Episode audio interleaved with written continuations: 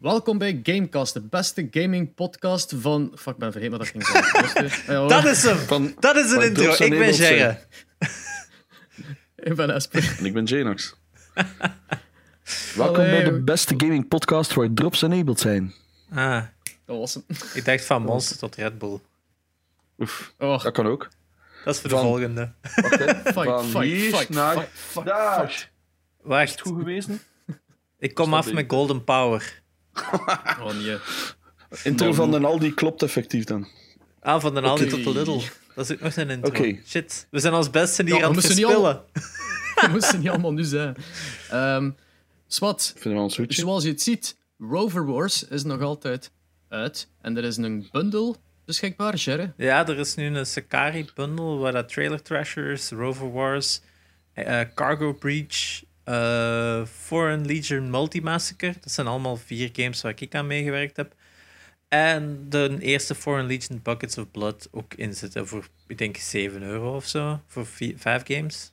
Echt niks. Go get that shit. Ja, Ja, op- Op Steam. Steam, ja. Yep. Ik heb hem gekocht. Dus, eh, Yeet. Ja, ik, heb, eh, eh, ik heb niet de bundle gekocht, want ik had al Trailer Trashes en Cargo Breach en Rover Wars. dan dus- is het een bundle ook goedkoper als je al de andere al hebt. Ah? Ja, dat wordt er gewoon afgehouden bij Steam. Dus Oh. Als je dan al Voilà. iets hebt, dan is het echt gewoon gratis. eh, Bijna gratis. Dus steun alstublieft Belgische. onze medemens Ja. en de Belgische creators, developers. Alright, ik ga die filter Ja, ik ging ook juist zijn. Dan gaat de filter er nu af. Is er nog nieuws? Er is wel wat nieuws, hè? Jullie hadden iets van drops. Eh, ja, eh, de- we gingen uitleggen wat dat die drops eh, waren eigenlijk, want ik had iemand in mijn Discord die helemaal niet mee was. Als je het verhaal van Valorant niet volgt, dan is dat inderdaad zo van what the fuck is going on? En je komt op Twitch en het staat overal drops enabled tussen brackets. Ehm, basically, eh je want er al kort over had in een vorige podcast, Mhm. dat ze het ging doen. Riot Games Ja, ik ben geen fan van hoe dat ze het hebben nagepakt. Dat is het. Oh, ja, het ding is, is, het is slim. Het is verschrikkelijk slim. Nu dat ik zie hoe dat uitspeelt, het is echt goed gedaan. Eh, dus basically, Valorant ehm, is nu in gesloten beta. Mhm. En je kunt een key krijgen als je naar een Twitch-stream aan het kijken bent van iemand die Valorant aan het spelen is. Ja. Ehm, ik weet niet, je kunt niet, niet iedereen kan die drops enablen waarschijnlijk. Wel, vanaf nu dus wel. Dus eh, de eerste week of twee weken, sorry, waren het enkel partnered streamers. En het is zelfs zo, normaal drops is enkel voor eh partnered streamers. Maar ze hadden een exclusieve deal dat het dan ook voor een paar waren die nog affiliate waren, die wel gekozen waren. Maar sinds deze week, ehm, iedereen die het speelt, kan drops enablen. Oh, zie. En Nice. daarom En- dat dat een beetje is opgebla- opgeblazen op, eh, op Twitch, dat bij Ja. iedereen dus drops enabled stond. Iedereen staat er dus tussen brackets, drops enabled. En eh zie je ook wel, eerlijk eh, denk ik, een spike in viewers bij de mensen die dat hadden of hebben. Nog een klein Ehm, beetje. Ja, dus het, het, is, het heeft een voordeel voor de streamers en een, een voordeel voor Riot Games. Dus die, die hebben echt zo'n win-win situation gecreëerd voor hun eigen Voor hun eigen fanbase. marketing eigenlijk. Maar ik heb wel ook Ja. gezegd, je hebt er die zo zeggen van, eh, nu, eh, nu gaan ze partnered worden, want ze hebben plotseling veel views, maar ik denk niet dat daar rekening mee gaat gehouden worden. Ja, die komen ook niet terug, hè, Wacht even, schrift. die viewers. Klein pauzeke.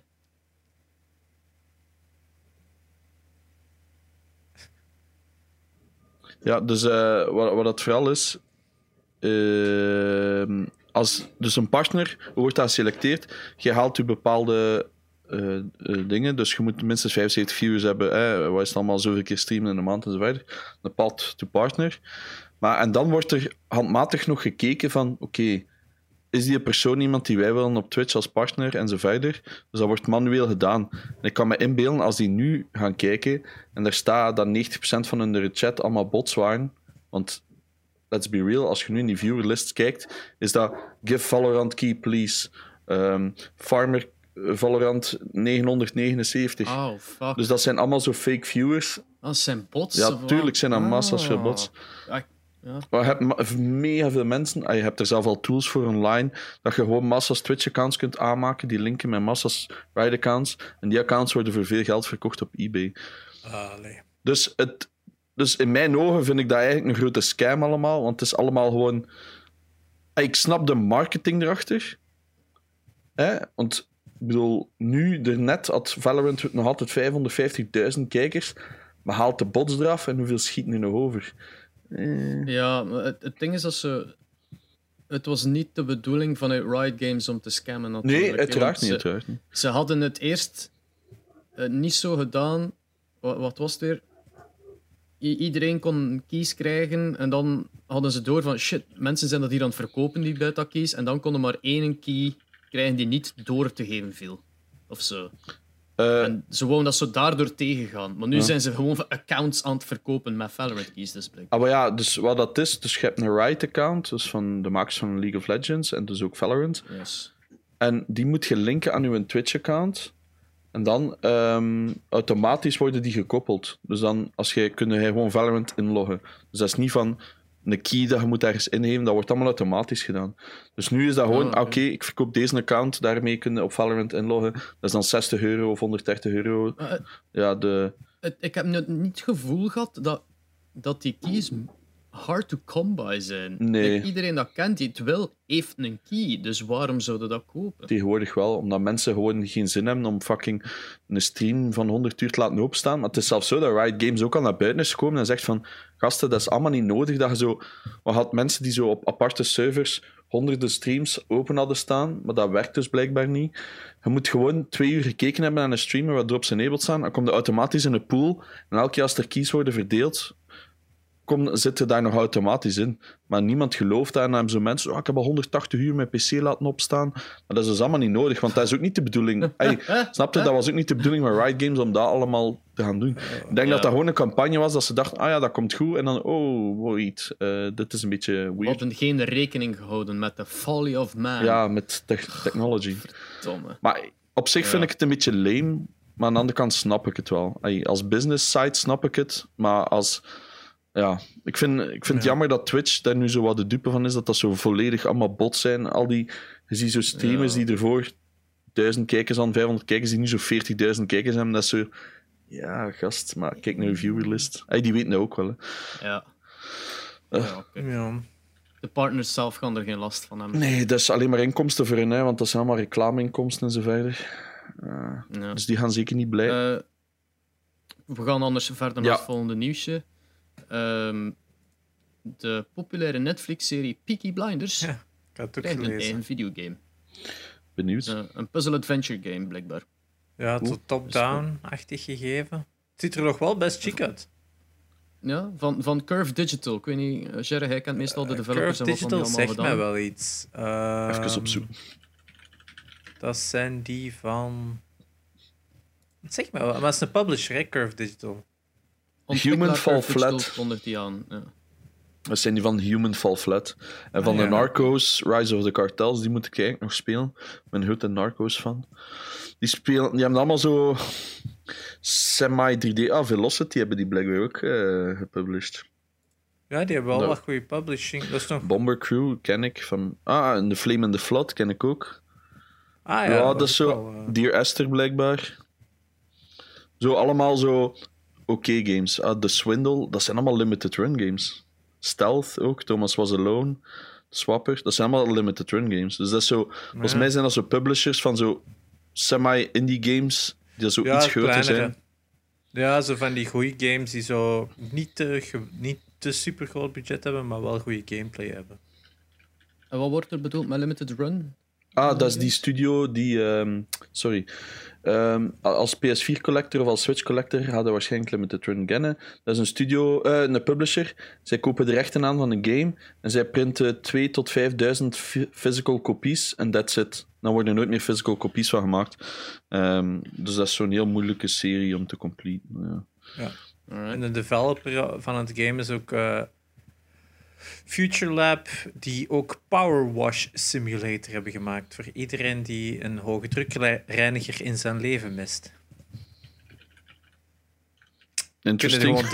ja, het zijn mensen dat er echt in te zijn. Hè? Power washing porn op Reddit en zo. Zo van die mensen die gewoon zo dingen. Oh, dat is zo proper nu.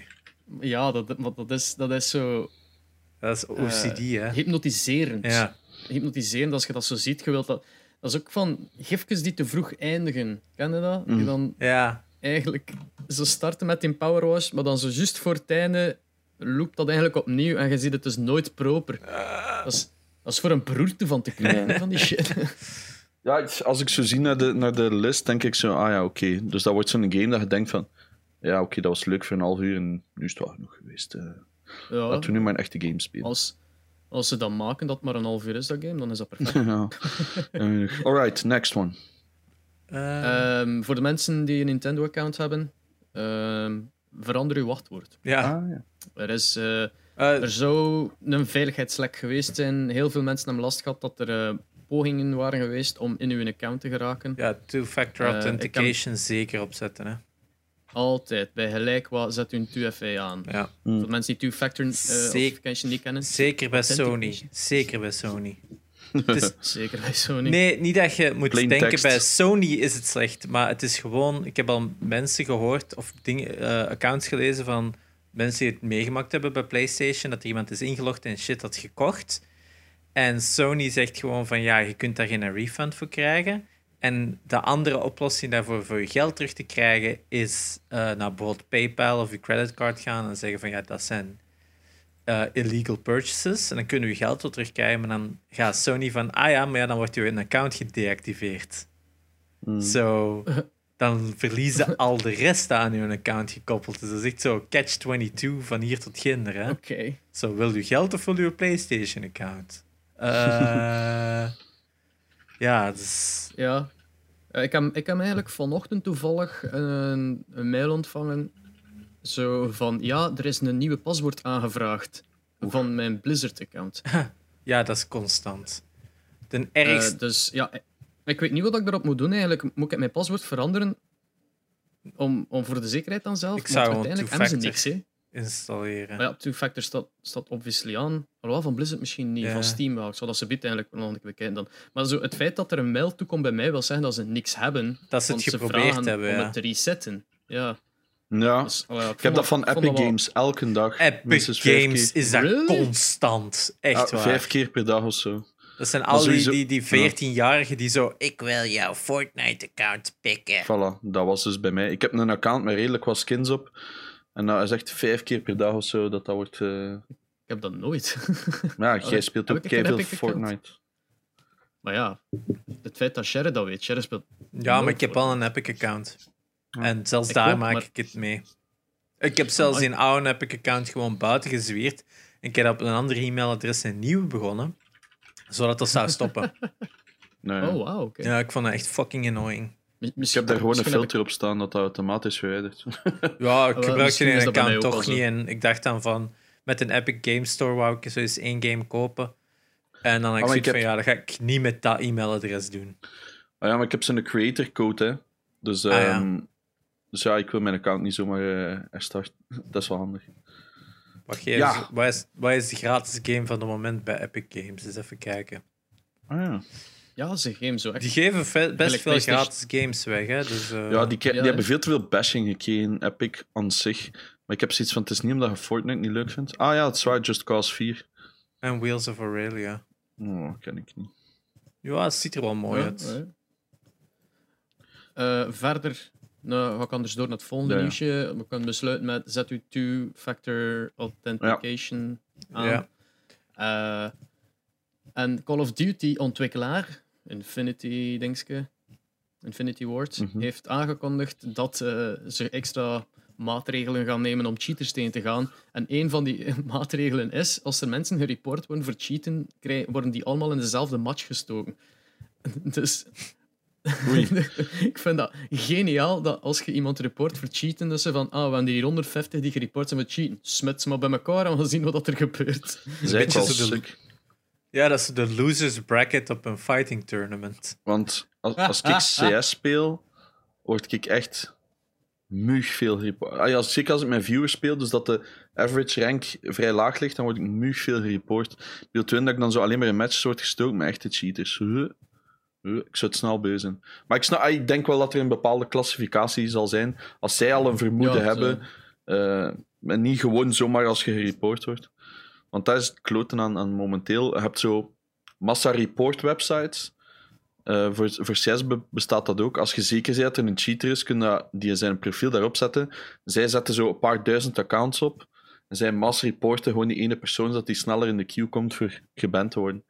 Hmm. Eh, dus ik heb zo, altijd met zo'n met zo dingen heb ik altijd wel schrik van, hmm, kan dat niet omzeild worden? Ah ja, maar ik snap. Alles dat beslist wordt, kan misbruikt Oh ja. worden. En Ja. Dat is nu eenmaal iets. Want- en dat is jammer, maar ja. Want Warzone heeft er ook ontzettend veel last van, hè, van cheaters. Zeker big streamers hebben er, eh, die hebben soms echt 60% van hun wedstrijden met cheaters in. Ehm, Oeh. dus die hebben een heel zwaar issue met anti-cheats.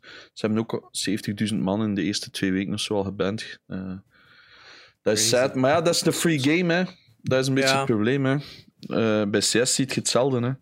Free game, dus je ziet massas veel volk eh, cheaten, hè.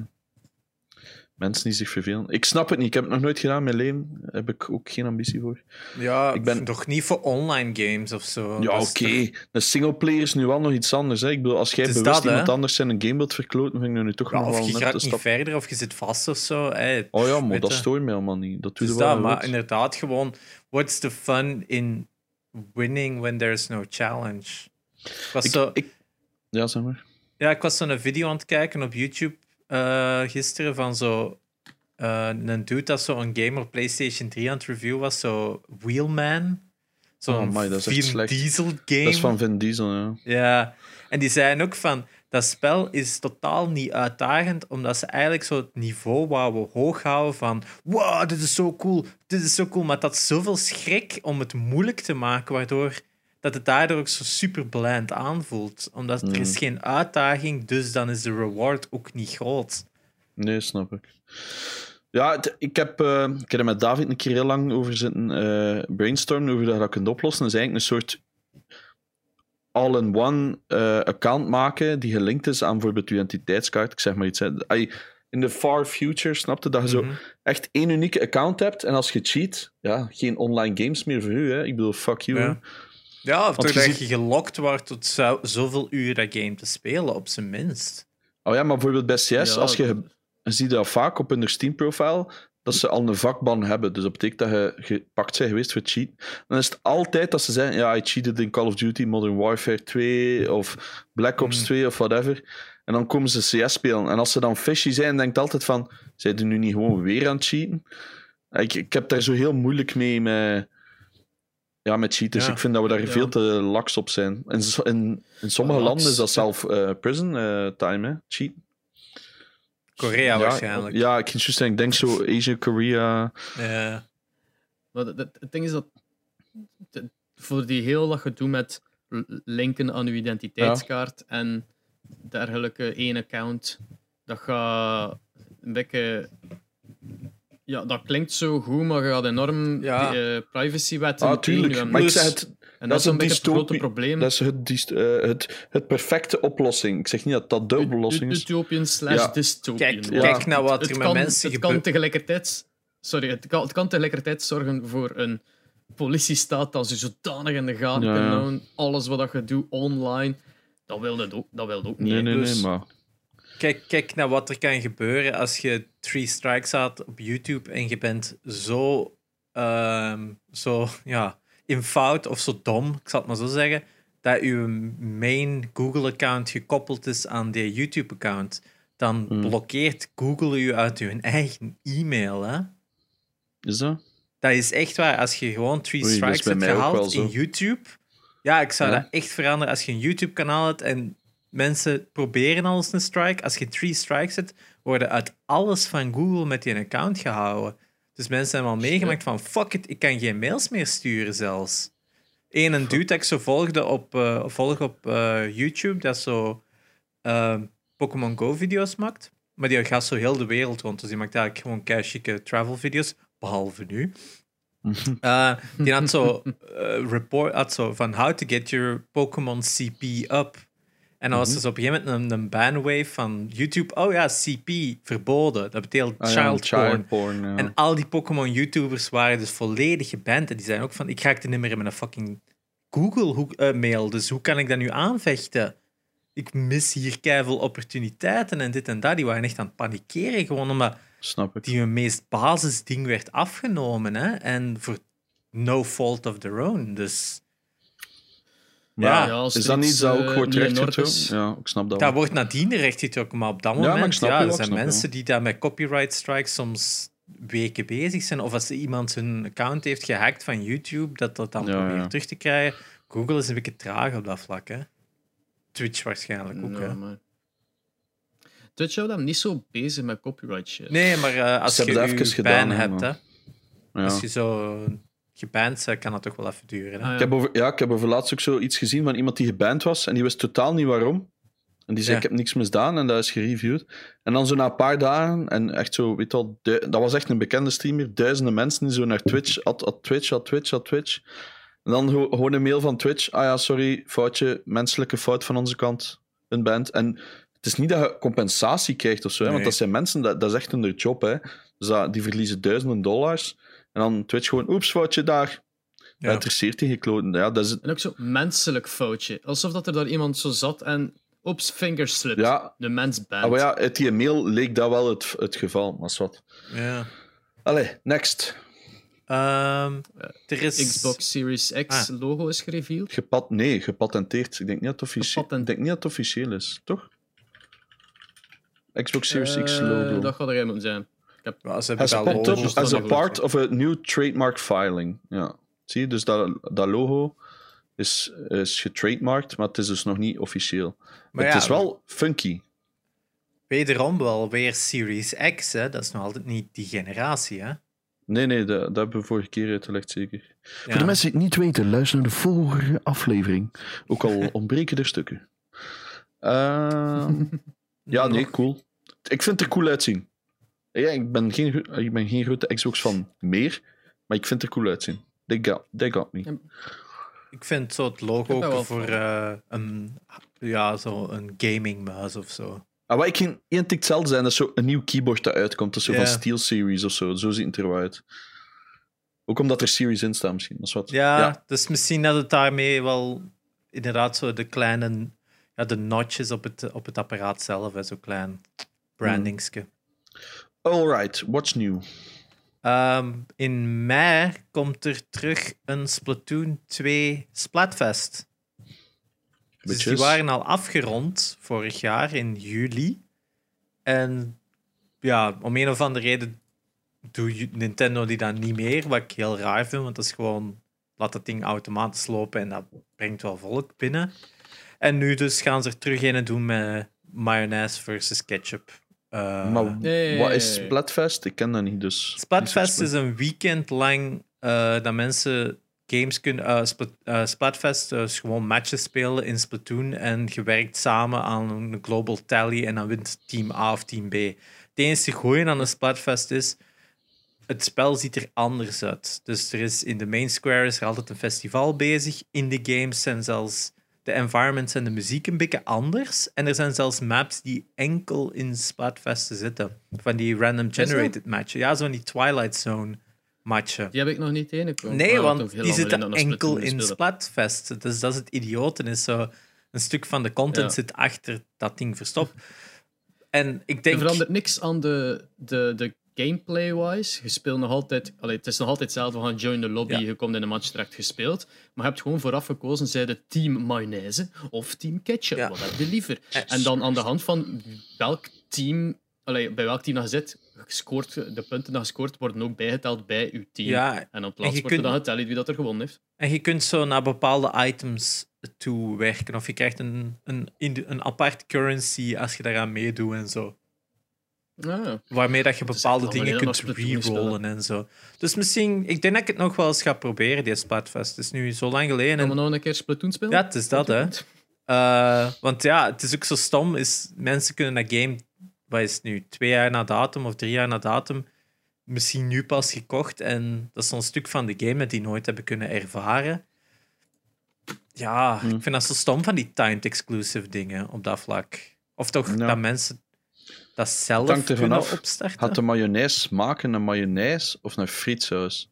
Want dan is ik het vind echt het gewoon ik vind het gewoon grappig omdat dat ook de kleur is van je geweer dus je kunt gewoon heel de arena vol spuiten in een wit goedje Maar rood. Er is blood everywhere. ja it's ik. versus blood Splatoon 2 is van juli 2017, by the way. Ja, Dus dat is drie drie, jaar. jaar. oud. Dat is al... eh kan ook weer tellen. Ja. altijd 60 Maar om fucking nog een- euro. Ja. Nog een...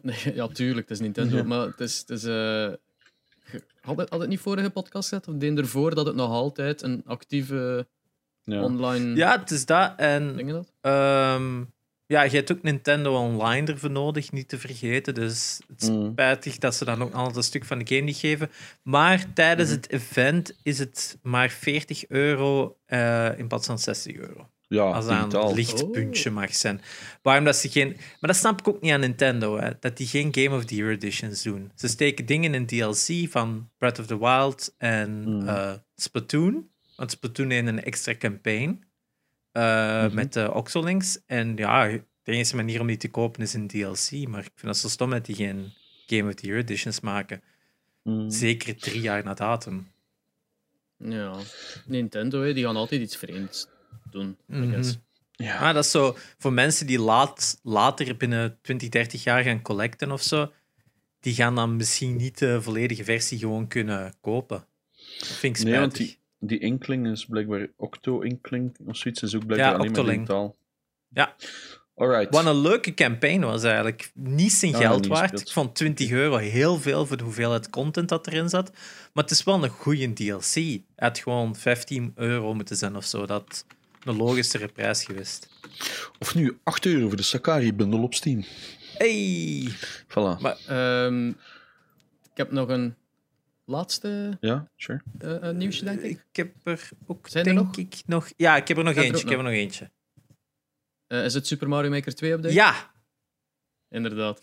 Super Mario Maker 2 krijgt een, eh, een serieuze fucking update alweer. De laatste, de laatste update.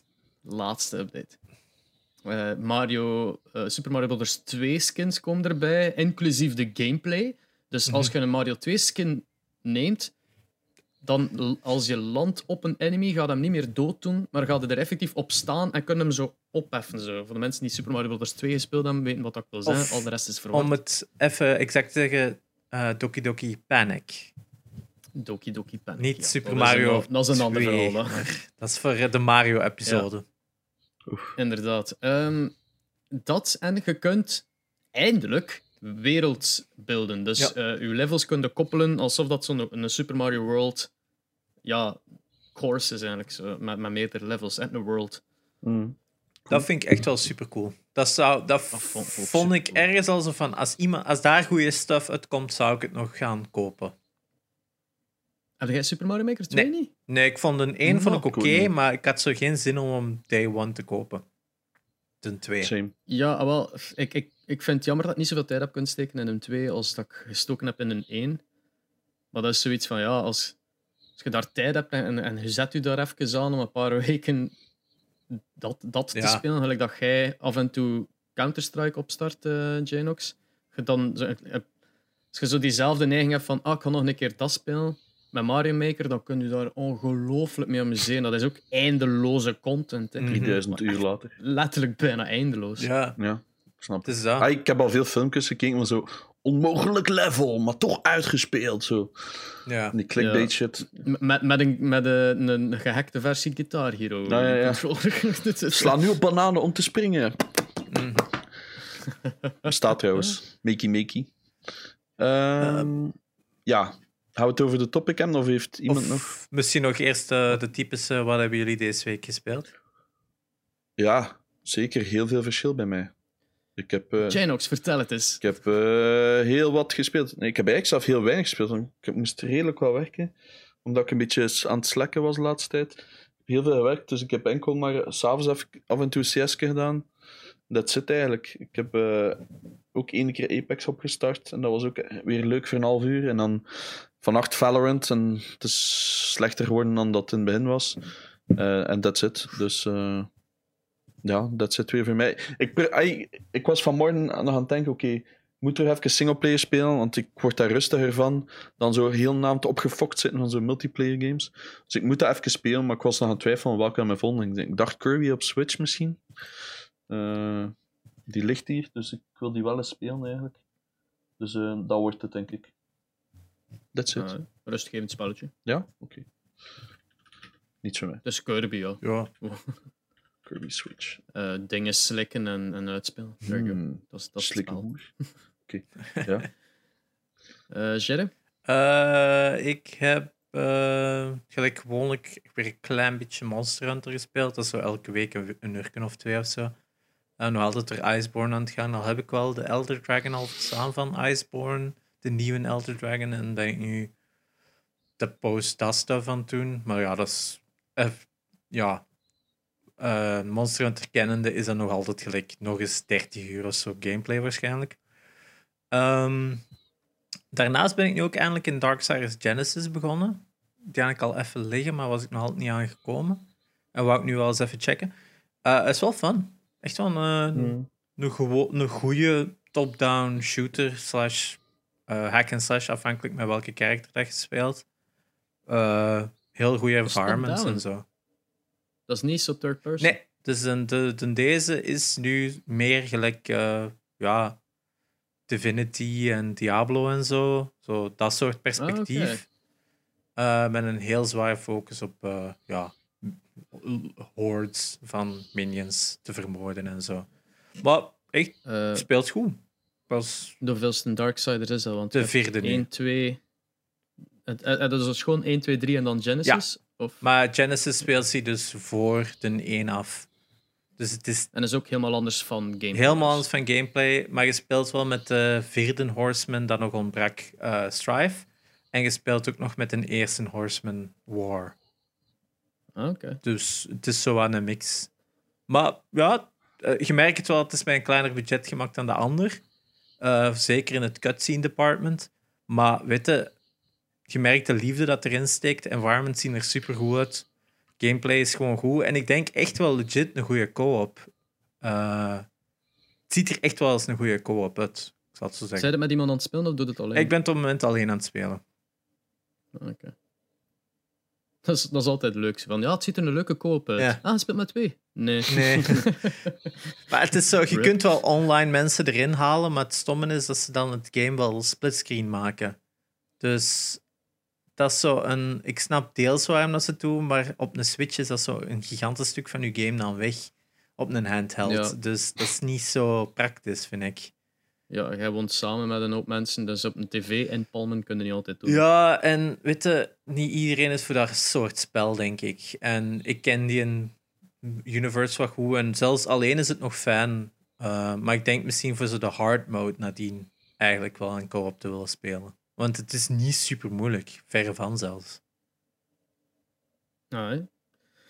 Uh, ja. Anything else? Um, ik had ook My Best Friend Pedro eindelijk eens gespeeld. Ik had alles opgestart, maar ik had dat nog niet uitgespeeld. Boah, je dat op een paar uur uit. Um, Oké game.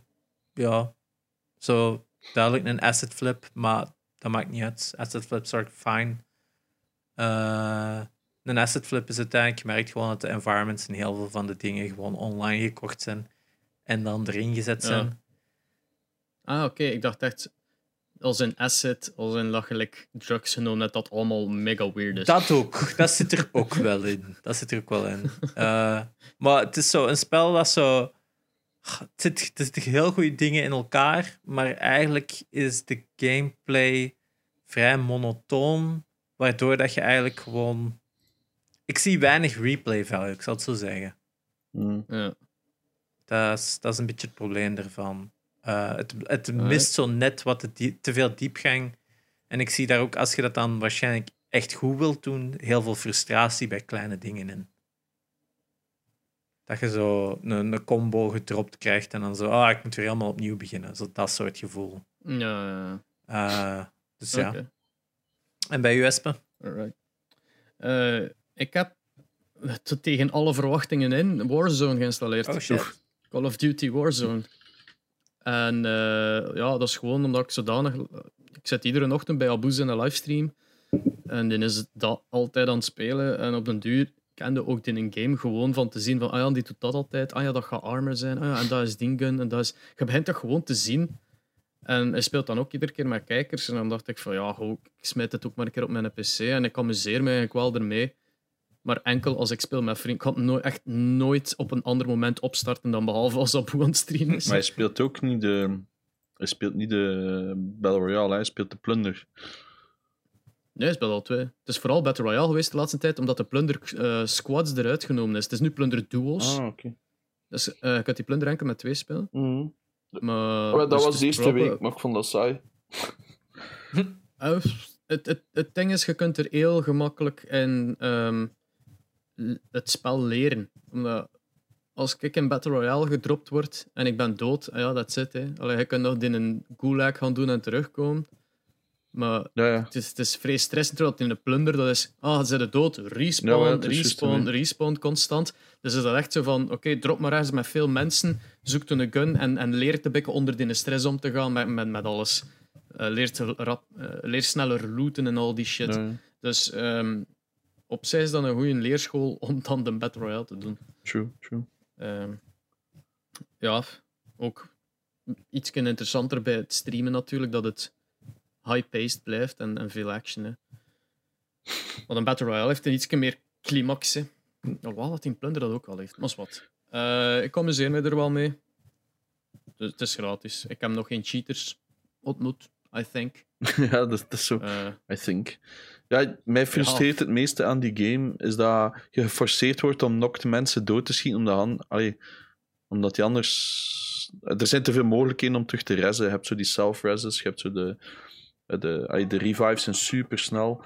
Dus je, eigenlijk vanaf Ja. dat geraakt wordt, zijn eigenlijk al dood. En dan moet dat... allee, het is zo... Ik weet niet. Het is niet voor je mijn ding, maar Ja. wat. Ik snap wel dat het eh, appealing is.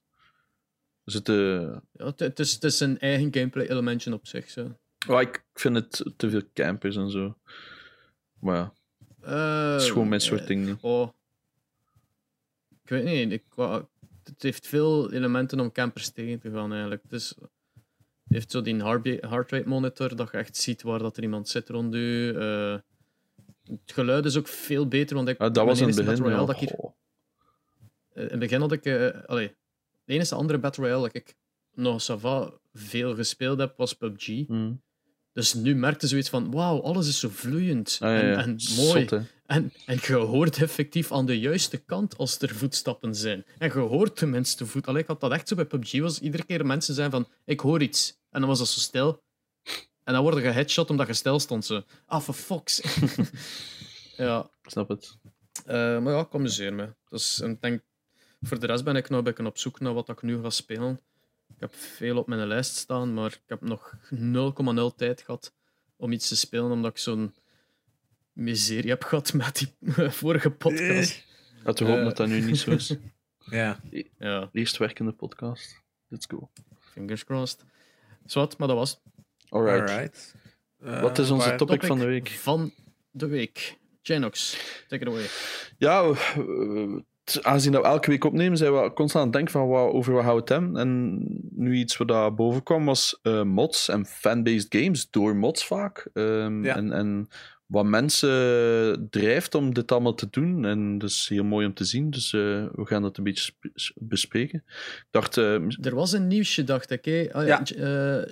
Jerry, jij had iets Ja, doorgestuurd. ik had, waardoor er was de- van de week een mod erover. geweest. Of ik denk dat het een mod is of een, een fan. Ik denk dat het een mod was, maar het kan ook even goed een fan recreation zijn. Iemand had Mario Odyssey nagemaakt in eh, Mario 64. Dus Mario 64 Odyssey is uitgekomen. Wat dus, als je een emulator hebt, waarschijnlijk gewoon kunt runnen. Eh, which is fucking insane, hè? het Eh, ziet er ook waanzinnig goed uit. het ziet er waanzinnig uit. Ik wil hem echt spelen. Ik ga het echt nog proberen. Ehm. Ik ben benieuwd eh, hoe het gaat evolueren. Maar een van de dingen dat we al direct mee moeten beginnen met mods. Get it while you can. Want het is Ja. een Nintendo mod. En voordat we Mhm. beginnen eigenlijk met mods. Nintendo really doesn't like them. En de kans is groot dat die een cease and desist sturen. eh, voor dus dat game van offline te halen. Wat dus heel spijtig zou zijn, is dat het het werk van iemand eigenlijk uit creativiteit eigenlijk echt meer... Ja, dat is niet voor geld te verdienen of zo. Iemand maakt iets superschoon en Nintendo... eh, dat is van ons. Ja. Nintendo wil dat echt niet, dat is Ja. sad. Dat is sad. Wat- Dus wat- ja, we Want zullen... eigenlijk een funny verhaal op, op, op die Mario zelf al is hoe dat It Software is begonnen. Die hebben ook een ehm, Super Mario port gemaakt. Ja, Ja. ah, Super Mario Bros. port gemaakt op de PC. Die zijn dat zelf bij Nintendo gaan voorstellen en die dan zoiets zo, nee. En dan mochten ze dat ook niet meer doen. En dan zijn ze hun eigen shit beginnen doen. En dat is eigenlijk Ja. hoe dat we nu nog altijd Doom spelen. Ja, Ja, En eigenlijk is dat, is dat wel de live origin story. Hè? wat is een... Oké, dus we zullen anders even beginnen bij het begin. Een mod is uiteindelijk mensen die dat... In elk geval een mod wordt gezien als players of fans of iemand anders dan de creators dat het spel aanpassen naar iets anders. Oftewel verbeteren ze iets, oftewel maken ze iets compleet anders ermee. Ze passen het game aan, they modify it, dus een mod. Simpel Ja. gezegd. Ja. Helemaal, Maar- helemaal. Wat is, ik ga een vraag stellen aan jullie, wat is de bekendste Quake-mod ooit gemaakt? Quake mod. Ja, Quake, Quake 2? nee. Wat is de bekendste game dat begonnen is als een Quake-mod? Oh, dat weet ik niet. Dat gaat zoiets zijn, eigenlijk World of Warcraft of zo. Moet ik het zeggen? Ja, ja, want Ja, ik weet het, maar ik weet het niet. Team Fortress. Ah ja, zo, ja. Team Maar- Fortress is uiteindelijk is een Source game, dus een Valve game, maar dat is letterlijk begonnen als een Quake-mod. Wat Oh ja, maar- fucking insane is. Hm. Dat is zo, je zou denken van, ja, in het geval van een andere game dat we zoiets over zullen hebben, dat Janox waarschijnlijk staat te popelen om te vertellen, dat begint Ja. als een Half-Life mod, hè, een Oh. mod van een game van Valve, dat een Valve game is geworden, is Team Fortress een mod van een It game dat dan het Valve game geworden is. Ja. Is maar er is nog een ander mod van een ander game dat ook een Valve game geworden is. En dat gaat je wel weten. Ah ja, CS toch? Nee, nog een ander. Want Ah. C- eh, CS, Counter-Strike, Ah ja, is, is een van- mod is van, een, Ja. van Half-Life dat dan een, Half-Life, eh, Ja. een Valve game geworden is. Ja. Maar er is een andere mod is ook zo'n mod geweest. Hè? die dat ook een Valve game geworden is. Portal? Heb je het over Portal? Nee. Ja, ik, Want, wat, Port- was Portal ook niet zo? Of was dat echt gewoon een indie Dat is- game dat is- gemaakt in de Source nee, Engine? Portal zal ik zoiets over vertellen. Eh, nee, Oh, ik heb het over eh, Dota 2. Dota 2 is... Ja. Ja, Dota 2, dus Defense of the Etern of, of the Ancients, was een mod van Warcraft 3. Mhm. En de sequel op de originele Dota is dan gemaakt door Valve, wat is dat, tien jaar later of zo? Want ja, League of Oh. Legends was dan ook al uitgekomen. Die Tower Defense van in Warcraft 3 is Dota geworden. Ik dacht dat dat League of Legends werd. Dat is, Want wij- wij- League of Legends is the same thing. League of Legends Ja, ja past... tu- tuurlijk, tuurlijk. Ja. Maar ik dacht dat dat. dat allee, maar als gezegd, dat is daar uitgekomen, wilde vooral zeggen dat zijn dezelfde makers geweest. Of, of Ehm, ik de weet mensen niet die de hoe mod het maken die verhaal dan zit. een eigen game maken. Ik weet niet hoe het verhaal zit in het geval van Dota 2. Ik ken te weinig van Dota 2, maar uiteindelijk de mod van Warcraft 3 heette Dota, Defense of the Ancients. En dan is daar een Ja. sequel gemaakt door Valve, Dota 2. Of die hebben die naam Hmm. gewoon gepakt, Dota, en hebben er een 2 achter gestoken. Misschien omdat elk, elke betere eh, Valve game is altijd de tweede. Ik herinner me. Dat is Half-Life 2, Left 4 Dead 2, eh, Portal 2, Team Fortress 2. En dan stoppen die gewoon. Je gaat nooit een derde maken. ja, Dat is wel waar. Dat is wel een known meme, ja.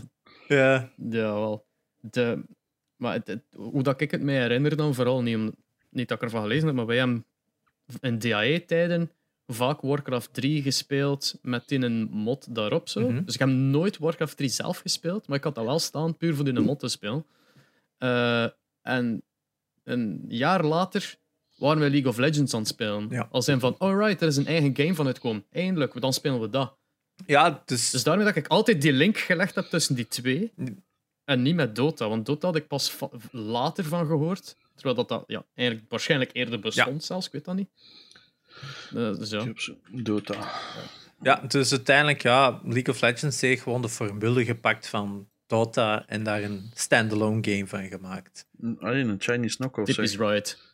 Ja, Dota series Maar- began in 2003. Een mod voor Blizzard's Warcraft 3. Kijk eens aan. Voilà. ja. En eh, Portal, hoe zat, hoe zat dat dan? Eh, Portal was, als ik mij niet vergis, was Portal origineel een, eh, een studentenproject of een gelijkaardig hobbyproject van mensen die zoiets hadden gemaakt. Maar ik weet nu niet meer of het in Quake 3 was of in de Half-Life, eh, de Hammer eh, Source Engine. Waarin dat je dan... Geweest zijn, want dat is echt, ziet er echt knot zelf Ja, nee, nee, nee, nee. Portal is nog iets anders. Ik heb het over de Before Portal. Dus er was een origineel een hobbyproject waarin dat ze dus die mechanic van die portals hadden zitten. Je ging in die portaal en je werd daar terug uitgeschoten. Ja. En die zijn dan wel gecontacteerd door Valve om te zeggen van hey, we maken daar eens een volledige game van.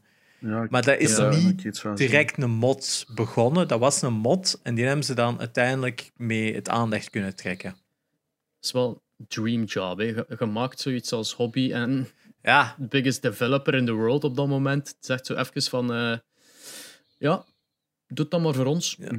Daar heb ik straks ook nog een leuk verhaaltje over. Maar we zullen nog even teruggaan in de Ehm, tijd, waarschijnlijk. Even terug. Maar ik wil, ik wil dan nog vragen, alhoewel... Ik zal de vraag stellen, je moet dan zelf kiezen als je eerst uw ding doet of eerst antwoord. Ja, zeg maar. Eh, in die tijd, want we zitten rond allemaal een beetje dezelfde periode, zo de, de, de Source Engine Times, eh, was dat precies heel veel games die daaruit gekomen zijn en heel veel mods. En ja, Gmod, die ook natuurlijk nog wel vermeld worden. Eh, toen was dat precies het ding van ah, games worden gemaakt in, daarin als mod en dan wordt het zijn eigen ding. Nu bestaat dat toch niet meer zo? Of, of wel? Daar minder, meer maar anders. Want we kunnen wel stellen, vroeger uiteindelijk ehm, Doom, Quake en zeker ook Half-Life of Counter-Strike kunnen we zeggen, die gaven de, de tools om het aan te passen. Of die maakten de Mm. tools om het aan te passen beschikbaar. Dus bij Doom was het Ja. niet moeilijk om maps te maken. Veel mensen zijn ook begonnen met maps te maken bij Doom. Hetzelfde bij niet Counter-Strike. moeilijk. Ja, ik denk in vergelijking met andere games, om het zo te zeggen. Uh, Ja. En Ja. ze schoten het ook niet af. Het werd ook wel echt half Embraced. Encouraged. embraced zelfs, Ja. inderdaad. Er zijn heel veel maps die zelfs komen uit... CSGO nog altijd, hè.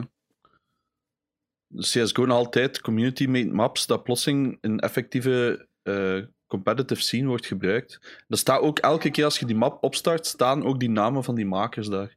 Dus die worden dan, Shout-out naar de Karper Club. ja, bijvoorbeeld. Maar je hebt ook bijvoorbeeld hetzelfde met skins. Wat ik zo cool vind, is dat tot op vandaag bijvoorbeeld, je kunt skins maken. Eh, iedereen weet dat dat tegenwoordig de hot shit is, skins in games. Dus bijvoorbeeld, als uw skin wordt gekozen om in de game te komen, krijg hij 10.000 flappen of zoiets van Valve. Zij kopen gewoon die rechten af, want ja, zij cashen daar iets meer dan 10.000 euro op. Eh, maar dat ik wel cool vind, is dat jij gewoon als pleb, kun jij zorgen dat je een skin in een game komt. En ja, vereeuwigd wordt, zeg maar. Want er zijn een paar rechtelijke issues. Ik weet niet precies of het daarmee te maken heeft. Maar er zijn contraband skins. Wat betekent dat? Dat die nergens meer verkocht kunnen worden. Of dat je die kunt krijgen, of wat dan ook. Die dus eigenlijk niet meer in de game mogen zitten. Alleen de mensen die hem hadden, hebben die nog. En die kunnen verhandeld wel nog worden. Hè? Want daar, kun, daar recht kunnen ze niet ontnemen. Maar je hebt zoveel soorten mods. Eigenlijk. Jij, jij had er straks over een mod van eh, Warcraft 3 dat je gespeeld had. Is dat je eerste mod dat je ooit zelf gebruikt hebt? Of? Ik denk het, ja. Want ik had dat daarvoor eigenlijk nog nooit van gehoord. En, en dan in DAE zelf zijn wij de Source Engine beginnen gaan gebruiken. Mm. En dan had ik zo plotseling gedacht van, holy shit, dit is eigenlijk wel easy. Mm. Waarom studeer ik dit nog? Ja, oké, Eh, maar maar ja. je hebt verschillende soorten mods. Hè, maar je hebt echt, zoals dat jij zegt, die dingen Ja. toevoegen. Maar bijvoorbeeld, like bij mij, de eerste mod dat ik ooit gedaan heb, was een nude patch op Tomb Raider 2. Ah ja, dat is misschien wel de Oh. bekendste... Ah, maar ja, dat is een, hoe bekende. Dat was, je moest zo wat files switchen, gewoon letterlijke foldertjes. En ik hadden die titel van Lara waren bloot. En we spreken niet over, wat jaar is Tomb Raider 2? Ik ken dat niet, 98. 94, 95 of zo? 97? Dat is echt gewoon allemaal iets anders. Ik dacht 97, fuck it. Ik dacht 95. Smijt er geld op. Hoeveel zijn we? Het is Een euro. 97. Oh shit. Fuck ja! November 97. Maar ja, ik weet niet of dat dan de Europese of de Amerikaanse release is. Zwat. 97. eh, ik heb het iets later gespeeld. Ehm snapte? Dus dat was toen... Zwart 7. eh, ja, nee, ik was 6, hè. Zelf nog niet, denk ik. Maar zwart. Oh, fucking hell. Ehm, dus ik denk dat ik, ik denk dat ik jaar of 7, 8 was dat ik toen Raider met mijn spelen. Ik heb straks nog een foto gevonden van mij die dat aan het spelen is. Eh, ja, ik ga dat nu niet sharen. Oeh. Eh, Als, als, je, als je kunt, stuurt die door. ja, maar ja. Als, ik het hoor, als ik het hoor, ga ik het u nog een keer Ah, vragen. ja, ja, ça meteen. va. Ik had die op mijn Discord gepost, omdat ik was zo door mijn oude albums aan het gaan en keer zag ik mij zitten. Maar ik zie ook gewoon aan hoe dat ik mijn keyboard vast heb. Het gaat rechts op je pijltjes en links had de control en alt. Ja. Want dat waren de eerste knoppen. En shift als je zo een handstand En wil doen. spatie. Ah, maar ja. Spatie, spatie Nee, is toch? voor je, ge- voor je geweren te trekken. Ah ja. Huh? Ja, dat weet ik Ja, niet meer. Spatie was geweren trekken. Control dat- was dat- dingen grabben. dat gaat toch automatisch springen. van... Die guns pakte het automatisch als er enemies kwamen? In sommige wel, maar in de eerste moesten altijd zelf switchen. Ah ja, maar ik, heb, ik ben pas begonnen met een 2, Ah, Maar zelfs dan, je kon ze altijd wegsteken op elk moment. Want Oh ja, kon je geen zie dat ik waarschijnlijk niet eens door als kind. Ehm, ik zag dat ook gewoon aan, die, aan hoe dat ik zat, dat ik toen PL aan het spelen was. Dus dat vond ik een funny foto. Ehm, dus ja, die nude patch. En bijvoorbeeld zo in The Sims hadden ook een nude patch. Want ja, als je dan zo Ja. in bed lag of in de douche, was dat zo'n blur. En dan kon je dat ook afdoen. Dus dat is zo voor mij de eerste ervaring met mods. En dan hadden ze de eerste Call of Duty. En, dan, en ook met Source. Voor mij dan, hè. ik zeg niet dat dat de eerste ervaring was. Voor mij, Mhm. met Source, dan konden zo je guns switchen. Dat ze plotseling een waterpistool vast of zo. Op van, hij snapte, dat waren funny patches. Ja, Maar ik Ja. weet niet, dat zijn mods. Ja, dat zijn mods. dat, zijn dat mods, ja. mods als in de modificaties Ja. aan een sp- bestaand spel. Oh. Dus. Eh, en ja, mijn ervaring was zo een mod als in ze hebben met de assets, Ja. met de assets van een bestaand spel gewoon een nieuw spel gemaakt. Ja. Eh, dat is gelijk dat eh, al alles van GTA 5 nu, hè, al die ja, Of, dat is ja, een heel dat- grote natuurlijk. dat surfing van Counter-Strike ook. eh, Ja, surfing was eigenlijk ook een grote voor Counter-Strike. Ja. Ik was eigenlijk gewoon wat Trackmania voor Trackmania eigenlijk. Hè? Goh, dat was zo verslaand. En ik suk er zo hard in, man. Dat is niet normaal. Oh, ik ook. ik, heb, staan nog ik altijd. heb echt hè, 6000 jongens, uur. CS in heel mijn leven of zo. En ik kan altijd niet surfen. Ehm, ik doe dat ook gewoon niet, omdat dat niet iets is waar ik veel doe. Maar, eh, Ja. maar zo die Warcraft mods op CS heb ik wel veel gedaan. Hè. Dus dat was, dan join je een server waar je level 1 en dan moest je kills maken en dan kon je skills kopen. Zoals bijvoorbeeld meer health hebben of eh, zo'n power dat je mensen even zag door de muren of zo, ik zeg maar iets. En dan zo grinden, hè. heb ik echt lang gespeeld. Zeker op 1.6 veel gedaan. Ja, je zo, dat, Maar vroeger was dat echt zo'n ding. Ja. voor echt maar ik denk ook dat die markt niet meer zo echt bestaat van puur mods, omdat nu iedereen iets heeft. Ik ga zelf gewoon een game uitbrengen en ik ga geld verdienen. Ik denk Ja, dat vroeger ja, er meer een, zoveel- een passie was. Hè.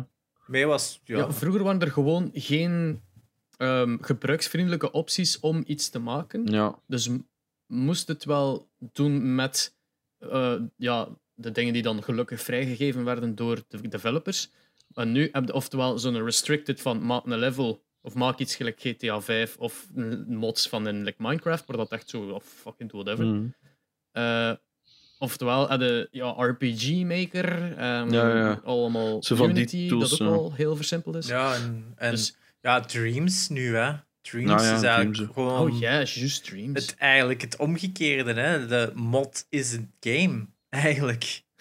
Je moet... eigenlijk wel fun. Ja, het is dat. Dus uiteindelijk is het wel geëvolueerd naar de gebruikers toe, maar gelijk dat we het eerder zeiden, van ja, Source en, of de hè, Valve engines, omdat die zelf ook van een hobbyistenmilieu kwamen, dat die altijd dat open hebben gehouden voor hobbyisten.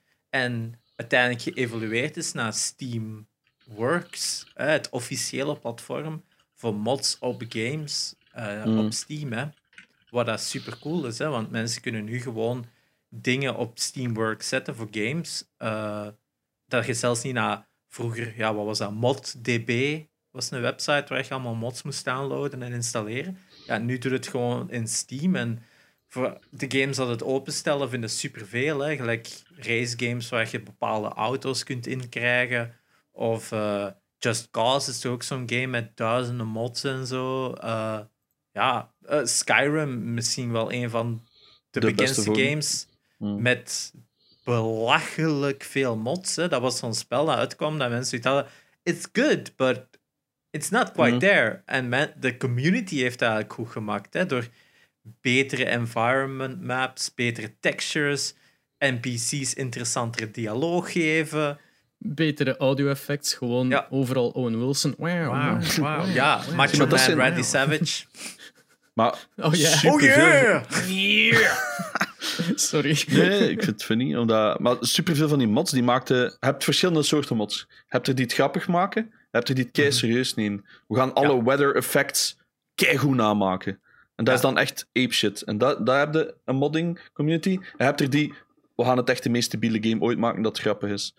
Alles is Nicolas Ja, Cage. bijvoorbeeld zo'n die shit. Of zo, Oh, ja. alle, alle draken rijden op een fietsje. Of, allee, snapte? Zo, zo'n soort mods. De Tim Allen Doom mod. Dat ze Nou ja. elke Oh. texture Tim Allen hadden gemaakt. Zie je, maar dat vind ik funny. Ja, Wat? ja het is dat. Dat is ook zo een... Maar wie speelt dat dan nooit? Ja. Dat maakt niet uit. Het gaat over de creatie ervan. Hè. Dat... Want dat is nu zo wat de grootste, Art. de grootste ding, hekelpunt momenteel aan consoles is. Er is geen modding. En ik weet Ja. dat er vorig jaar of twee jaar geleden, ik kan me niet meer herinneren, waren ze bezig met Skyrim, denk ik, dat mods eh, beschikbaar te maken op console. Maar ja, dus dan moeten gewoon klaargemaakte pakketjes en niet meer zelf files zitten transferen, want dat kan niet in een ehm, in zo'n sandbox environment als een PS4 of een Xbox. Dus dat je klaargemaakte pakketjes kunt uploaden, zeg maar, en die, die dat dan ging verwerken voor u. Maar er is heel veel rond te doen geweest. En ja, PC Master Race was dan weer kwaad, omdat con- eh, mods, dat was iets voor de PC-users. Hij zo weet wel van die shite, eh, van die Mhm. ultra-fanboys. Dus ik vraag mij, allee, ik vind dat een beetje jammer. Maar aan de andere kant, ik heb nog altijd een, een game liefst puur. Hè. Ik, heb dat, ik ben hetzelfde met auto's. Vanaf dat je bodykits en zo op auto's steekt, dan is dat voor mij iets van, ja, maar dat is niet meer de, de, de puurheid en de schoonheid van de game. Ik heb vaak liever een, een kapotte game of, of wat er fouten in zitten, omdat dat voor mij, ja, dat is hoe dat de developers het wouden, dus dan moet het zo zijn. Ja. Soms niet, hè. Som- Ik zeg soms. Eh, Ja. Ik snap wel soms dat het moet gefixt worden, zoals Doom op de 32X, dat gewoon soms niet uitspeelbaar is voor veel mensen. Eh, Castlevania Ja. 2. Ja, want dat is nog een heel ander aspect. Hè, dat, eh, omdat het modden tegenwoordig ook zoveel meer toegankelijk is geworden voor veel mensen. Omdat eh, er meer documentation over bestaat. Of mensen communities bouwen rond internet gewoon. games. Internet om het te communiceren en te verbinden van mensen. Hebben heel veel mensen nu ook inderdaad, gelijk dat Espe zegt, Castlevania 2 is ene, of andere games van het verleden gefixt. hmm. Eh, games die oftewel just horrible bad, bad waren, of games die ja, gewoon niet goed genoeg waren. ja, ik Zoals snap, snap. Castlevania 2, hè, Espen. Zeg maar. Yep. Eh, ja, ik- dat was het eens dat ik wou vermelden. eigenlijk. Ah ja, maar dus wat dat ze daar gedaan hebben. Oh ja, sorry. Ehm, ja, Castlevania 2 was dus ehm, very confusing. Want eh, Castlevania 1 was meer gewoon een action game. Castlevania 2 was dan plotseling meer RPG. Waar dat je hints moest ontcijferen van de villagers dat je tegenkwam. Maar die waren zo vaag. Ah, ja, ja, ja. En de dingen dat je moest doen waren soms zo absurd. Dus je moest knielen bij een, het einde van een level. Want ja, het had zo'n beetje open world achter. Je kon zo gaan, maar dan kwam er zo dat je niet meer verder kon. En daar moest je dan knielen. En er, als je dat vijf seconden inhoudt, dan kwam er een tornado je zo weghalen naar het, eigenlijk progress. Je, je moest dat echt te weten komen door Nintendo Power te lezen op dat moment. Maar eh, dus in die een mod hebben ze dingen zoals dat en de switch tussen dag en nacht eigenlijk versneld. Gewoon alle Hmm. grievances dat iedereen had met in een game, dat het zo, dat het zo slecht maakt, eigenlijk zo dat klein beetje verbeterd, waardoor dat in een game dus keer Ja. beter is. En eigenlijk, de be- da- dan kun je ervan genieten eigenlijk dat het bedoeld was. Ja. Eigenlijk. Dat vind ik wel ook. leuk. Maar het is Eén niet ding- echt zo bedoeld, hè? Nee, want... Jawel, Wat hè. je verwacht hierdoor.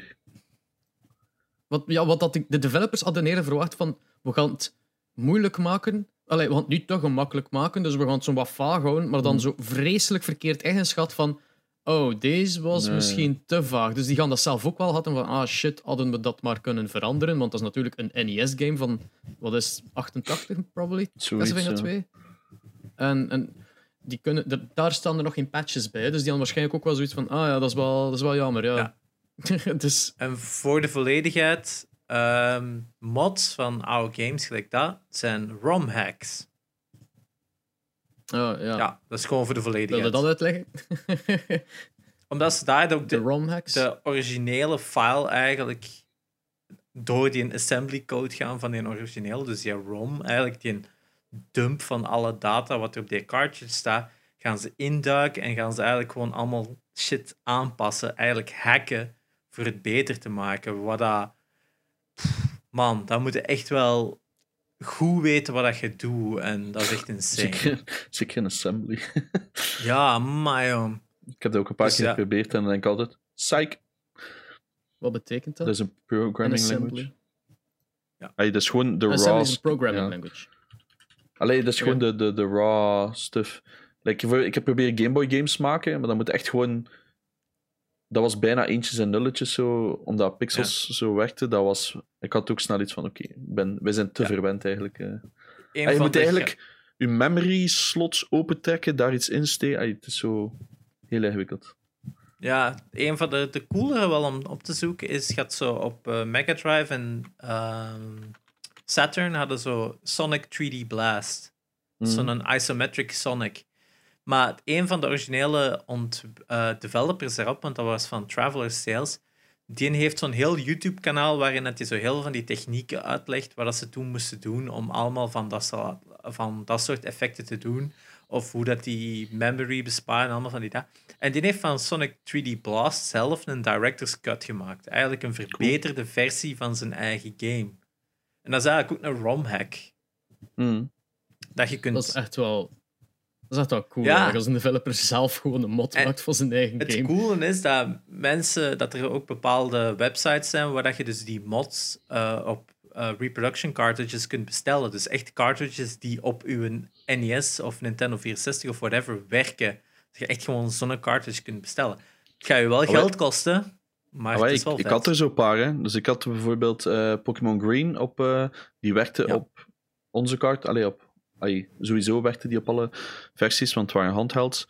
Maar ik had een eh, translated Pokémon Green versie eh, op een werkende cartridge. Ik had bijvoorbeeld eh, Trip World, wat dan een European exclusive was op Game Boy. Een van de zeldzaamste games op Game Boy. Eh, maar die, was had, niet uitgekomen. Wat blief? Die ik had. Godverdomme, Ja. maar niet meer terugvinden. Is dat echt? Ja, ik had al eens verteld, denk ik, bij een van de Nee. andere, dat ik zo... Ah, ik heb nog niet verteld van Trip World? Nee. Ik dacht het wel. Ah ja, mijn zus had die. Goh, maar als je die box hebt, maat, dat is ook flappers, Eh, hè. Ik heb, de card, ik heb de manual nog wel liggen. Het zal ook wel iets waard zijn op eBay. Ja, ik denk het ook wel. Eh, Maar nu willen we zo overgaan naar, Ja. want naar hardwarematig eigenlijk. Want als je daar cards van aan het maken bent, ehm, soms worden consoles ook gemod of worden er daar delen van aangesproken. Gelijk, kun ik de Game Genie bijvoorbeeld een mod noemen? Ja. Want dat is nooit de bedoeling geweest van de game zelf om van, ja, van met een Game Genie te werken. Ja. Game Genie kan gewoon code aanspreken in een game om iets te veranderen. Of, of... Ja, Ja, Game Genie is zo ook weer zo'n verhaal van... Daar zit wel interessante stuff achter. Want Game Genie, als ik me niet vergis, is dat gemaakt door Codemasters. En Codemasters kennen we vandaag vooral van race games, gelijk Dirt, Ja, Dirt Rally. Formula One eh, Ah, en serieus? Grid. Maar destijds waren die, waren dat echt gewoon letterlijk, gelijk meeste dingen in Engeland, it was born from a shed. Gewoon twee Mhm. broers die daar samen in de, eh, in, de- in de zolder of zo games programmeerden. Die hadden Dizzy gemaakt, zo'n spel met zo'n eiken, ja, ja. zo'n ei daar rondloopt en zo. Ja. Maar die hadden echt gewoon zo ontdekt hoe dat ze stuff konden aanpassen aan de NES. Dus die hebben met de Game Genie konden die zo rond de NES Protection geraken. Want nadien hebben die bijvoorbeeld de Aladdin gemaakt. Dat is zo een ding waarmee dat je, gelijk de Game, Game Genie, konden dat, was dat zo een stuk waar dat je een cartridge kon opsteken. Dus de Game Genie was, een, je moet dat voorstellen als een vierkant blokje zo breed als een NES-cartridge. En dan moest je dan je NES-cartridge insteken. Je stak Mhm. dat allebei in je, in je NES, in je Nintendo. En dan kreeg je een menu met codes dat je moest invullen, invullen van een, van een boekje. Dat dan eigenlijk de assembly of de memory van die cartridge veranderde. Mhm. Om zo je cheats, zo extra levens of je op een ander punt te laten starten. Allemaal van dat doen. Dus eigenlijk een live ROM hack. Sick, een ander, ja, een ander ding dat die hebben gemaakt was, die hadden dus door, met die Game Genie konden ze ook voorbij, eh, wisten ze eigenlijk ook beter hoe dat een NES eigenlijk copy protection deed. Mm. En dat was eigenlijk gewoon altijd een bepaalde chip dat die nacheckte en dan gebeurde dat. Maar wat die dus hadden gemaakt was, gelijk de Game Genie, een opzetstuk dat eigenlijk die copy protection had. En dan kon je met een andere kleinere cartridges erin steken die dan volwaardige games hadden. Waardoor dat die eigenlijk zelf hun eigen games konden maken zonder de tussenkomst van Nintendo. Dus die hadden zelf cartridges kunnen printen voor de, de NES. En die kosten natuurlijk maar een fractie van de prijs in vergelijking, want een bepaalde chips mo moesten die kopen, want die zaten al in het opzetstuk. Dus je moest één keer dat opzetstuk kopen Mhm. en dan enkel je games. Maar ja, Nintendo vond dat echt, ja, die waren er super kwaad op. En Ja. de Game Genie Ja. is ook zoiets dat die jaren hebben proberen aanvechten, maar ik denk dat dat, dat altijd wel buitenschot is gebleven. Ah, Aangezien Om- dat er een SNES en een Game Boy versie is, veronderstel ik Ja, dat dat wel oké Dus is. dat. En dan nadien was het dan de Game Shark, hadden dan ook nog voor de PlayStation en zo. Joep. Dus dat zijn eigenlijk een soort van live ROM hacks of game hacks dat je game eigenlijk aanpassen. Hè? Maar ja, voor zo, er is nog één mod dat ik natuurlijk nog even wou, wou zeggen, is dat dus Counter-Strike, mijn meest gespeelde game, is ook gemaakt door twee dudes die daar gewoon een mod hebben gemaakt op, eh, op Half-Life. Ja, toch? ja Half-Life Engine. Op Ja. Half-Life, ja. En eh, uiteindelijk heeft Valve dat ook gewoon gekocht, hè. Ja. Dat is waanzin, hè. Eh, vanaf, ik weet niet welke versie dat precies van Valve was, want er zijn veel versies voor 1.6 geweest.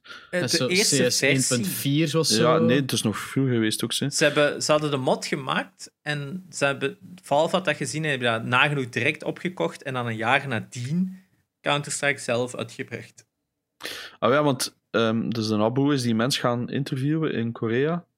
Eh, dat interview moet nog uitkomen. Ehm, Wow. Maar ehm, die heeft vorig jaar een lezing gegeven hier in, eh, in Antwerpen, denk ik. Eh, die mens die, die is daar super humble over. Hè. Die heeft er bijna niks aan verdiend. Hè. Dat is zo in een Oh. tijd dat je nog kei cheap kon afgekocht worden. Hè. In Beeld Twin, dat je nu Wow. zo een van de zwaarste games dat er is. Ah, een van de bekendste games. Want deze week hebben ze weer een, ja, een eigen genre. Want die hebben deze week weer een eigen record verbroken van 1,3 miljoen concurrent spelers tegelijk. Eh, dus dat was het, eh, een eigen record van 1,2 miljoen hebben ze net weer verbroken van een paar weken geleden. Ay, dat, natuurlijk door de crisis, maar wat, ehm dat terzijde. Ay, Toch? Ja. de- tijdens de crisis kiezen ze er toch maar voor om net dat ah, maar ja, maar dat is acht jaar oud, hè. En CS zelf is meer dan 20 jaar Nog oud. maar acht? Eh, CSGO is Ah ja, acht jaar. CSGO. Ja. En CS zelf is 20 jaar oud, sinds begin of eind vorig jaar. Ay, dus dat, dat, dat een mod zoiets groot kan worden, dat gebeurt niet Ja. veel. Ehm, Ja, of een andere mod dat ik ook wel interessant vond. eh, of ene dat Espe waarschijnlijk helemaal wild over gaat als ik het verbel, maar de Link to the Past randomizer. Hè? Yay. Ook, ook een heel goede mod dat eigenlijk ook een genre heeft gecreëerd. Hè? Randomizer is nog maar iets allee, Ja. unquote recent eigenlijk. Hè? dat. Ondanks dat dat allemaal gebruikt wordt op oudere games. Er is een Pokémon randomizer, er is een Metroid randomizer, er is een Link to the Past randomizer, er is een Metroid slash Link to the Past randomizer. Dus dat je bepaalde deur doorgaat, dat je plotseling in Link to the Past uitkomt, of omgekeerd. It's insane. Wow. Ehm, maar toch, ja, of, wanneer was de eerste daarvan? Een paar jaar geleden toch nog? maar? Ja, nog niet zo lang geleden. En andere games, officiële games, beginnen dat zelf nu ook als feature in hun Hmm. game te stoppen. Hè? de, de, de roguelike, eh Ja.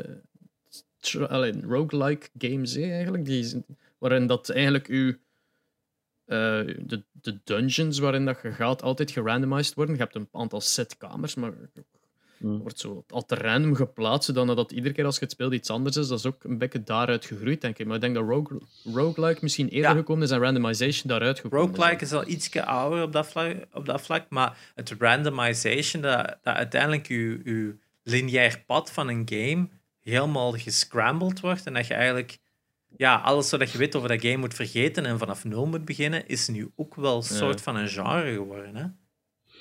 Wat, wat ik ook super interessant vind, zijn fan-remakes dat geëmbraced worden Ja. door de active developers. En niet zoals Scummy Nintendo een season assist stuurt, maar zelf vaak actief meewerkt. Eh, Ja. Ik ga een paar voorbeelden geven dat top of my head zitten. De laatste UT is volledig geremasterd in Unreal Engine 4. Ehm, Een Unreal Tournament voor de Ah mensen. ja, sorry, die Unreal Tournament. Maar die fans zijn dan, of zijn dan naar Epic Games gegaan en die hebben gezegd: hey, dat is cool, maar wij zijn keihard bezig met Fortnite. We hebben niemand over om u te helpen. Weet je wat, we zetten het gewoon op onze store. Iedereen kan het gratis downloaden.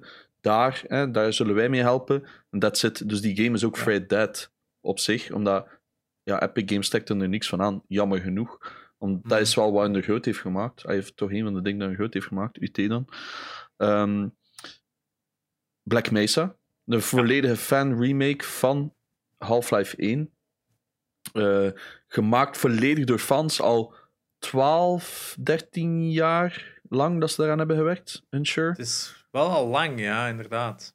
Ik heb, ik heb er zo'n een short documentaire over gezien. Een short, een, een uur. Black Mesa. eh, vij- 2015. Ah nee, dat was de eerste versie, is in 2015 uitgekomen. Ze zijn begonnen. In 2005, als ik me niet vergis. Ja, zie je? Dus dat is. Dat is toch tien jaar. Nee, nee, 15 jaar. 2005. Van 2005 tot 2015. Nee, nee. Ja, nee, dat was de eerste versie. De officiële eerste versie is pas dit jaar uitgekomen. hè. Ja. Oh, Jesus. Ja, dus dat eh, alles jaar, had. Dat alles had. Ja, ja. Ehm, en ze wouden origineel in 2009 releasen, dus dat was vier jaar lang. Dus dat is elf jaar Oh, ja. later pas uitgekomen.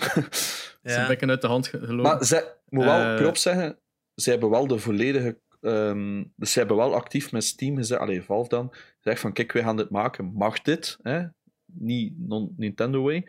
En they did it, hè. Ik bedoel, Ja. de game is uitgekomen, is keigoed verkocht. Ik heb hem zelf ook gekocht. Ik weet niet of dat was, 19 euro of zo. Was het met totally worth. Want ik had Half-Life 1 nooit gespeeld. En als je Half-Life 1 nu speelt... Ik heb het wel ooit gespeeld, maar nooit ver geraakt. En als je het nu speelt... Eh, it didn't age that well, vind ik. Buiten speedruns dan. En het is bijzonder goed gemaakt. Er zitten weinig flaws in. Beter zelfs, ze hebben twee levels bijgevoegd, maar ik denk dat ik dan de eerste of de tweede aflevering van eh, Gamecast al eens uitleg. En Mhm. dat is gewoon zalig, dat Valve daaraan meewerkt. Beter nog, ik heb ooit een app gemaakt over Counter-Strike. eh, volledig handmade. En ik heb dat willen publishen, gratis. En ik heb van Apple een melding gehad van, ja, dude, dat is geen stuff van u. Jij bezit niks van Valve rights. Wij gaan dat niet publishen. Ik moest een officiële brief hebben van Valve dat dat, dat toegelaten was. Dus ik als 19-jarige, denk ik toen, heb een mail gestuurd naar Valve. "Eh, mag ik alsjeblieft een app releasen? Eh, het gaat over Counter-Strike. En die hebben mij effectief geantwoord, wel na een maand of zo pas. hey, dat is cool. Eh, stuur ons een keer wat screenshots en wat voorbeelden. En we zullen eens over nadenken. Dus ik stuur dat allemaal op. En die, die hebben mij dan een mail gestuurd van, kijk, van ons mag het. Dus ik heb dan met het legal team, dat heeft wel zes maanden geduurd, hè. Holy Van, van eerste mail tot de laatste brief dat ik heb gekregen. Die hebben, mij, eh, die hebben elke screenshot bekeken. En elk, overal wat er iets van verwijzing stond, moest dan specifiek behandeld worden. Bijvoorbeeld op het main screen hadden ze twee van die dudes staan. Hè, zo, eh, als je 1.6 of Source hebt geopend, hebben ze die twee kerels die naast elkaar staan. Dus die moesten weg, omdat dat een te officiële verwijzing was. Weet ik veel. Ik moest natuurlijk overal trademarks toevoegen. Eh, Ja. Overal als er CSS stond, van Counter-Strike Source, eh, moest er een copyright-icoontje bij. Dat is van die kleine dingen. En dan ook mijn logo moest volledig veranderd worden. Dus dat was ook met designers allemaal opnieuw doen. Ik heb daar Wow. zoveel tijd in gestoken. Maar ik heb wel na zes maanden heb ik een mail gekregen. Oké, het is goed. Ik heb een goedkeuring gekregen. En dan is mijn app ook ge- gereleased geweest. 150.000 downloads, which was really cool. Ehm, ik was er heel blij mee. Eh, Ja. Maar het moest dus wel gratis zijn. Maar, aan- dus Ja. ik vind wel dat Valve, props, dat zelf ik als 19-jarige kleuter uit België, dat ze daar effectief van naar luisteren. Ze Ja. luisteren niet om Ja. coole game te maken nu, of wat. Eh allee, ze De zijn niet de... van- Ja, zeg maar. De maat van mij hetzelfde gedaan met een, een quiz voor Minecraft. Dat hij ook zo'n app had gemaakt met een quizje voor Minecraft samen met zijn zoon. Omdat hij dan zo heel erg into Minecraft was. En die had dan zo een quiz, wat, wat, als ik dit doe, wat craft ik dan? En die heeft Mhm. dan ook naar, naar eh, Mojang gemaild van, hey, ja, is dat cool? En die waren ook zo, oh nee, vet, zet maar online. Dus die had, Ah, die ja. had ook eigenlijk gewoon zo de conf- confirmation gekregen van Mojang om dat online te mogen zetten. Wat ook super cool is. Als developers Zolang het meewerken. gratis was, waarschijnlijk. Welk? Zolang het gratis was. Zolang het gratis was, maar je kunt er altijd ads in Ja. steken en verdien, verdien er toch een beetje aan. Hè? Wat ik me nu wel Ja. afvraag is like met, met Black Mesa, hoe dat, dat zit. Want hè, die game kost nu 20 dollar of zo, ik zeg maar iets. Ja. Hoe zit dat dan? Moeten die daar iets op afgeven? Ik, ik weet het Ik niet, hè. het is geen vraag naar u toe. Ik weet dat hij dat misschien ook ik niet weet. gok dat Black Mesa gepublished is door Valve. Echt? Ik gok van wel, dat Valve toch wel published en dat die wel een overeenkomst zullen hebben met de developers van Maar er dat zijn, zij geen er zijn geen vaste developers. Het is letterlijk een vrijwilligersgroep. Ja, maar dat, die zal toch een overeenkomst hebben moeten tekenen met Valve en met de mensen dat er hebben aan meegewerkt. Hm. Maar wij zien, maar dat bedoel ik dus. Dat, dat is Ja. gewoon cool dat, ja, dat dat kan.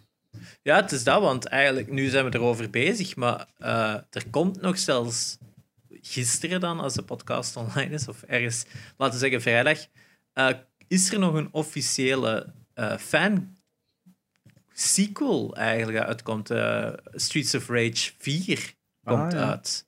Wat uiteindelijk origineel een... eh, ja, dat is volgende... Dat is 30 april, denk ik. Hè? Eh, is Streets of Rage was een, een, re- een trilogie aan games van, op de Sega Mega Drive. Eh Side-scrolling beat-em-up, à la Do- Double Dragon en Final Fight. Mhm. En jarenlang stilgelegen. En ja, nu komt er dus een nieuwe uit. Eh, niet van Sega, eh, maar van Dotemu. Eh ja, door mensen die daar ook fan zijn van het origineel en dat gewoon een nieuwe hebben gemaakt. Hè. Dat is Ja, super vet, hè? Hey, Mijn favoriet, ja, absoluut favoriet verhaal van een fan, fan-made game vind ik Sonic Mania. Ja, Sonic Mania is zo'n goede verhaal. hè. Dat is, dat is zo leuk. Gewoon het feit dat Sega zo... like, in mijn hoofd, ik, Ja. zei- je mocht zoiets zijn hoe dat officieel was, maar in mijn hoofd is dat echt Sega die zo beu was dat er iedere keer geklaagd wordt dat al hun Sonic games op geen kloten Ja. trekken, volledig terecht ook. Om dan te zijn van, weet je, wat doet het dan zelf? En Sonic Mania komt uit en dat is niet hoe. Ja. Zo, Dat, verhaal, dat verhaal De is Collector's Edition. super. Ja, de Collector's Edition. Daar zullen we het niet over. Maar dat verhaal van Sonic Mania is echt gewoon match made in heaven. Hè? Dus uiteindelijk, het origineel komt... Het verhaal is super zot dat je erover nadenkt. Je hebt Sonic CD, wat dat zo een beetje de vergeten Sonic is, die dat veel mensen nog wel zeggen van ja, dat is ook een van de goeie, maar een beetje verloren gegaan, omdat hij op een veel duurdere accessory van de Sega Mega Drive, de, de Mega CD, veel mensen hebben die niet, omdat die super duur waren. En daarop komt dan Sonic CD. Eh, en ja, ze hadden al, denk ik, van, Nintendo, eh, van Sega zo'n paar slechte Sonic ports gedaan op Game Boy Advance. En op dat punt zaten we dan bij een iPhone en er ging ook een slechte port komen van Sonic eh 1. En Sega had zo de vraag gesteld van ja, kijk eens, wat is het volgende project dat we zouden moeten doen? En Christian Whitehead, een programmeur dat zo heel Sonic had ontleed, die had eigenlijk zo gekeken naar hoe zit de physics van Sonic eh, in elkaar en had dat helemaal kunnen herleiden. Dus heel veel van de ports eh, van Sonic games op andere systemen waren geëmulate. Dus een emulator dat de originele ROM-file las en het dan op dat systeem liet runnen. Wat ga, maar je moet natuurlijk met een emulator emuleerde jij de rekenkracht van een originele console en fakte je eigenlijk dat game dat het daarop runt. Maar wat Christian Whitehead had gedaan is, die had echt gewoon Sonic vanaf de ground up herbouwd en had dan een demo gemaakt voor Sega van kijk eens, dit is Sonic CD van de ground up hermaakt, waardoor dat in eh, widescreen kon runnen. Dat kon op allemaal verschillende systemen, want dat was geen een emulator, dat was gewoon een nieuwe versie. Hij had dat naar Sega gestuurd en had daar niks antwoord op gekregen. En dan was die een tweet uitgegaan van Sega van ja, kijk eens, is het volgende wat moeten doen? En had hij hem die een tweet geantwoord met een link naar zijn demo van dat daar runt op een iPhone. En een paar jaar later komt gewoon Sonic CD door Christian Whitehead volledig uit. Een volledig hermaakte versie van Sonic CD. Wat dus veel beter loopt dan het origineel. Die dingen kunnen fixen in die game dat een beetje broken waren of onduidelijk waren. Omdat hij dat van de ground up had ge- gedaan. En dat heeft hij dan ook nog gedaan voor Sonic 1 en Sonic 2. eh, dat dan zijn uitgekomen op iPhone en andere systemen. Heeft hij dat zo gedaan. Dus dat is echt gewoon een fan. En Sega had zoiets van, sure, doe maar. Maar omdat heel dat Sonic, ja, de Sonic Online community is gigantisch en insane. En er zijn heel donkere gedeelten aan dat je best niet intipt op Google, want je gaat core shit ontdekken. maar er is ook heel veel coole shit. En er waren heel veel van die mensen die zo, ah ja, ik heb Sonic 2 in HD gemaakt. Of iemand die een nieuwe sequel had gemaakt op Sonic. Want die een Christian Whitehead had hetzelfde gedaan. Die had ook al zelf een eigen fan-versie van Sonic gemaakt. Met zijn eigen engine. Ik kom even niet op de naam dat hem er had gegeven in een engine. Maar zwart, dat was een Sonic Game Maker engine. En daarop runde Sonic CD. En om een duur had hij zo wel een paar van die gasten in contact mee, want die modding communities zijn meestal zo samengepakt. En had dan zo'n mail gestuurd naar een paar van die gasten en had dan het idee van we gaan een nieuwe Sonic maken. Ik denk dat hem Sonic Revolution of zo heette. En die zijn er dan mee gaan afspreken bij Sega en bij een van de originele creators en dat laten zien van kijk eens, dat is ons plan. En het was dan lunchtijd en ze, zijn moeten, ze gaan iets gaan eten en ze komen terug. En die creator van eh, Sonic, of een van die originele, staat daar aan een whiteboard en heet dan op dat whiteboard zo 1, 2, 3, KM. Sonic 1, 2, 3, Knuckles, Mania, Your Game. Dus heeft echt gewoon de, de timeline geschreven van uw game is een origin, de officiële Sonic 4. Hoe fucking Dat is wel- insane is dat? Dat is wel heel zot. Dat is echt gewoon... eh. Ja. En Wie weet... En er is een Sonic 4, hè? Die stond niet op dat bord. Daar praten we niet over. Dat is een kut game, Sonic 4. Maar dus De- dat is het erge, dat de fangame... Ja, die mensen die live and breathe the game. En Sega, een publisher waar daar heel veel negatiefs over te zeggen of toch een publisher waar we van kunnen zeggen, met Sonic hebben ze vaak de bal laten vallen. Ik vind dat super cool dat die tenminste zo eerlijk kunnen zijn naar die fans kijken en van, zij hebben het wel door. En kijk naar Sonic Mania, is het perfecte voorbeeld van het is beter dan wat ze zelf hadden kunnen maken. Veel beter. Wie heeft er weer de soundtrack gedaan van Sonic Mania? Ehm, Was dat ook niet iemand zo die, die een keer een remix had gemaakt en dat ze dan wel cool hè, mogen doen? ja, daar zit wel zoiets achter. Ze. Dat, Was het like Jake Kaufman of zo? Of, eh, ik weet het niet. De intro-sequence is gedaan door Tyler Hess, dat dan de comic tekende destijds. En die hebben ze nadien gebracht op de film. Nadat ze al die backlash hadden gezet, heeft die een dude dan Sonic geredesigned voor de film. Dus Oeh. ook wederom de fan brought in to fix Sonic, yet again. Eh, de soundtrack weet ik niet van buiten, maar het zou me niet ik ver... zou het wel googlen, maar ik heb, ik heb weer dat probleem dat ik geen internetverbinding heb volgens mijn Eh, PC. ik, zal, ik heb het hier op Interesting. En wonder bij wonder ben ik nog aan het bellen met Ulle. Nice job. Dus, Wow. Ja, het is echt established connections, blijft de mount. Nieuwe connections bestaan niet. Maar ik heb dat ook gehad. Maar bij mij was dat bij Telenet. Lag dat bij Telenet? Ah ja, T. Maar- Lopez. Maar hoe komt het dan dat al mijn andere devices dan niet hebben? Zeg het niet. Ay, dat weet ik niet. Ik had hetzelfde probleem. Lang geleden. Zwat. Ehm Ja, ik zeker. hun over Sonic en Sonic mods, want alles is gemod bij Sonic, want het was nodig. Ja, Eh, ik- ja, de, Ja, zeg maar. de- ja, de- met die hardware waar dat ik ook naartoe wou sturen, is eh, een, ja, niet zo de meest gekende manier van modden, is natuurlijk de hardware modding. En, oftewel like muziek, om sound, soundchips aan te spreken. Dan heb je zo bijvoorbeeld Little Sound DJ, die eh een Game Boy eigenlijk, dat je muziek kunt maken met die Ah, ja, soundchip. Ook super cool. Kende je dat? Ja, ja, ja, ja. Little Sound DJ. Dat is ook een cartridge waarschijnlijk. Ja. Hè? En dat is echt maar zo'n heel, spe- heel speciaal. En je moet dan muziek maken. En vele ja, chiptune DJ's Er gebruiken zijn toch twee Belgen dat Ehm, super populair zijn geweest daarmee? Ja, er, ik geloof dat er één in eens een keer komt draaien in de Comic Sans, maar dat was, eh, Kan wel. Was niet zo populair daar, dacht ik. Ah, Ik herinner me dat een vroeger gestopt had. Oh. Ehm, maar ja, dat heb je. Plus Anamanaguchi, Ja. die een NES gebruikt op podium, die gemod is om, om hun muziek af te spelen eigenlijk. ja. Ja, het is echt Eh. insane, hè, wat dat je... Het is zo... Dat zijn van die goede voorbeelden van mensen die dat de technologie ergens verbeteren of daar toch een andere aanpak mee, mee doen, hè, met die hardware mods. Want ja, Ja. Bekendste Dus- hardware mod hebben we het al over gehad, dat was de PlayStation chip.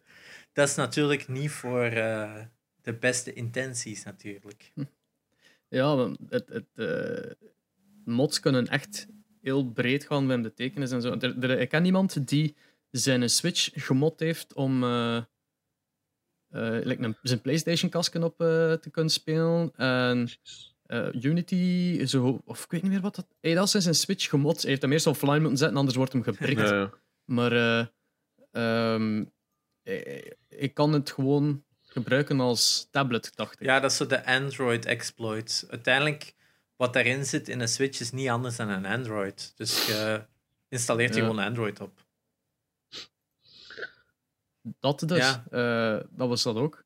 Ja, want ik was net tegen. Ja, ook nog een interessante mod waar ik het over wou hebben, eh, is Super Mario Kaizo. Oeh, ja. Kaizo is iets van 2007 of zo. Was dat ook iemand dat uiteindelijk de Super Mario World op de Super Nintendo volledig herschreven heeft. Eh, niet gameplay-wise of zo, maar alle levels heeft veranderd en heeft er van die fucking insane moeilijke levels gemaakt.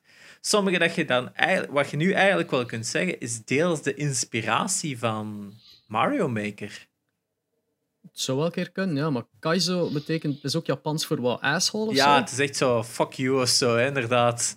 Zo asshole Mario. Het is, het is ook omdat het, het, het gebruikt de mechanics op zo'n manier dat je eigenlijk niet... Je moet het weten dat je dat kunt. Zo echt zo compleet exploiten van de minste kleine... Glitches, ook like, callback naar onze speedrunners-episode, waar dat speedrunners soms echt gebruik maken van dingen dat jij niet wist dat in het spel zat. Nou, wel, Kaizo Mario doet dat allemaal. Plus het feit dat dat zo van die jumps en hij pakt tijdens een jump een shell, Ja. maar je laat hem ook weer los tegen een spring. En ze gaat afval. Ah, het is echt zo insane Ja. wat dat je allemaal moet Het doen. is echt meer memorization ook van wat je allemaal moet doen, hè.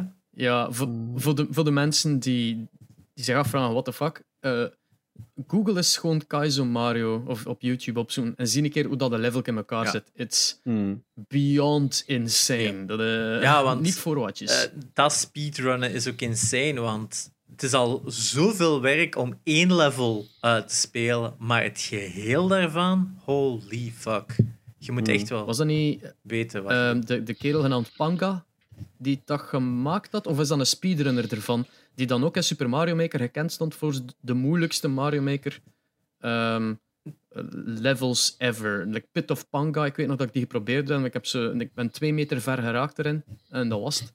Eh, en die heeft zelf een, een ja, zo uren eraan gebouwd, maar dan ook eh, acht of negen uur aan een stuk gelivestreamd dat hem het zelf probeerde uit te spelen, om het dan uiteindelijk toch te kunnen. En dat is zo'n moment dat dat echt je ziet, dat juist die laatste vijf seconden, dat hem dat van die level uitspeelt. En natuurlijk hoort daar zo'n stem schreeuwen in absolute stilte. Eerst zo dat uitspelen, dan het schreeuwen van Yatta! zo echt zo. Leuk momentje. Ja. Kaizo dat is Mario World speedrun zie ik hier in 2015 in 24 minuten. Dat is echt waanzin. Wow, Ja, die is geschikt. Ah, ik heb daar, ik heb daar net een speedrun bekeken van, eh, met de developers erbij van Shovel Knight. Ah ja, Oh, ook cool. super cool. Mhm. Ja.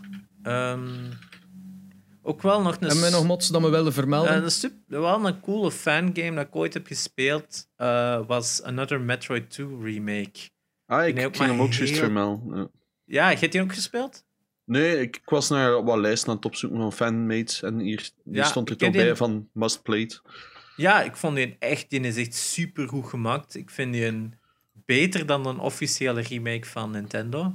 Eh, sorry, maar het is, meer pix, het is ook meer dat- 2D. Ik, het heeft zo die perfecte feel van die Metroid games eigenlijk Mm. van vroeger. Zo die, het werkt voor mij nog altijd veel beter, Metroid in 2D pixel art, dan het werkt in eh, 3D. Dus ja, met, Dat is, die is de officiële remake, ja, toch? Samus Returns. Uh, Another. Metroid 2 remake is echt beter. Serieus. Echt ik waar. vond die echt geweldig. Nee, Another Metroid 2 remake is echt gewoon zo puur en de pixel art is zo goed. Het is echt super schoon gedaan. Alright. Ehm, God, een andere dat ik ook wou vermelden is dat GoldenEye is ook volledig geport in de Source Engine. Maar ja, ja. het is Nintendo, dus eh, de kans dat daar ooit iets mee gaat gedaan worden. Want het ziet er echt super goed uit. hè. En het, dat vind ik zo jammer aan zo'n mods. Is dat wordt gespeeld, fans zijn er fan van. En dan zegt een publisher, ja, psych. Allee, Ja. je weet dat, als je weet als developer hoeveel uur dat daar zijn ge- gekropen, ja, dan doet dat pijn. Hè. ja, er is ook zo nog één een bekende dat me juist te binnen schiet, is ehm Them's Fighting Hurts. Dat is zo een vechtspel met eh, lama's en ponies en allemaal van dat soort shit. Ding. was origineel een fangame gemaakt voor mensen die daar into uh, My Little Pony waren. Die hadden een vechtspel gemaakt van My Little Pony. En dan heeft Hasbro dat gezien en echt gezegd van... Fuck you, jij gaat dat niet doen. Maar dan de creator van die nieuwe My Little Pony reeks, die had zoiets van... Oh, dat is super cool. Ik ga nieuwe characters voor jullie ontwerpen om te gebruiken in jullie game. Dat is echt sick, Dus- want Dus is dat niet meer associated met My Nee. Little Pony, maar de characters zijn wel gedesigned door... Dezelfde designer. Why? Why? Want ik ben, Dat is echt zot. ik ben nu door een YouTube-film gaan klikken. Six Great Fan-Made Games That Got Shut Down by Publishers. Het eerste dat ik tegenkom is een My Little Pony fighting game. Het ziet er Ja. echt sick uit. Allee, ik bedoel, Ja. ik vind de characters verschrikkelijk, maar... Ja, maar die game is nu ook uitgekomen. Dus Dems Ah, ja. Fighting, Dems Fighting Hurts eh, is de, de, de, de officiële versie van de game. Wat is dat, 2018 of zo? Of 2000, ja, februari 2018 ook uitgekomen. Krijgt Oh ja. ook 9 op 10 op eh, Steam en zo. Dus het heeft wel... En Nu wil ik wel de, superschone animatie en zo. Hè. Ja, het ziet er goed. nu wil ik wel de rest van de lijst horen. Dus je hebt eh, die My Little Pony game en wat, wat dan nog? Ja, maar dat zijn zo random filmpjes. Een Zelda 30 Tribute. Wacht, hoorde mij? Ja, ik had mijn mic even gemute. Ehm, een driedimensionale voxel version van de originele Legend of Zelda. Dus het is zo wat isometric. Oh ja, Ziet ja. er keigoed uit. Er is een VR-versie ook van de originele NES Zelda. Oh. Chrono Trigger wat 2 raar. blijkbaar. Wow. Eh, ziet ook Fighting is Magic.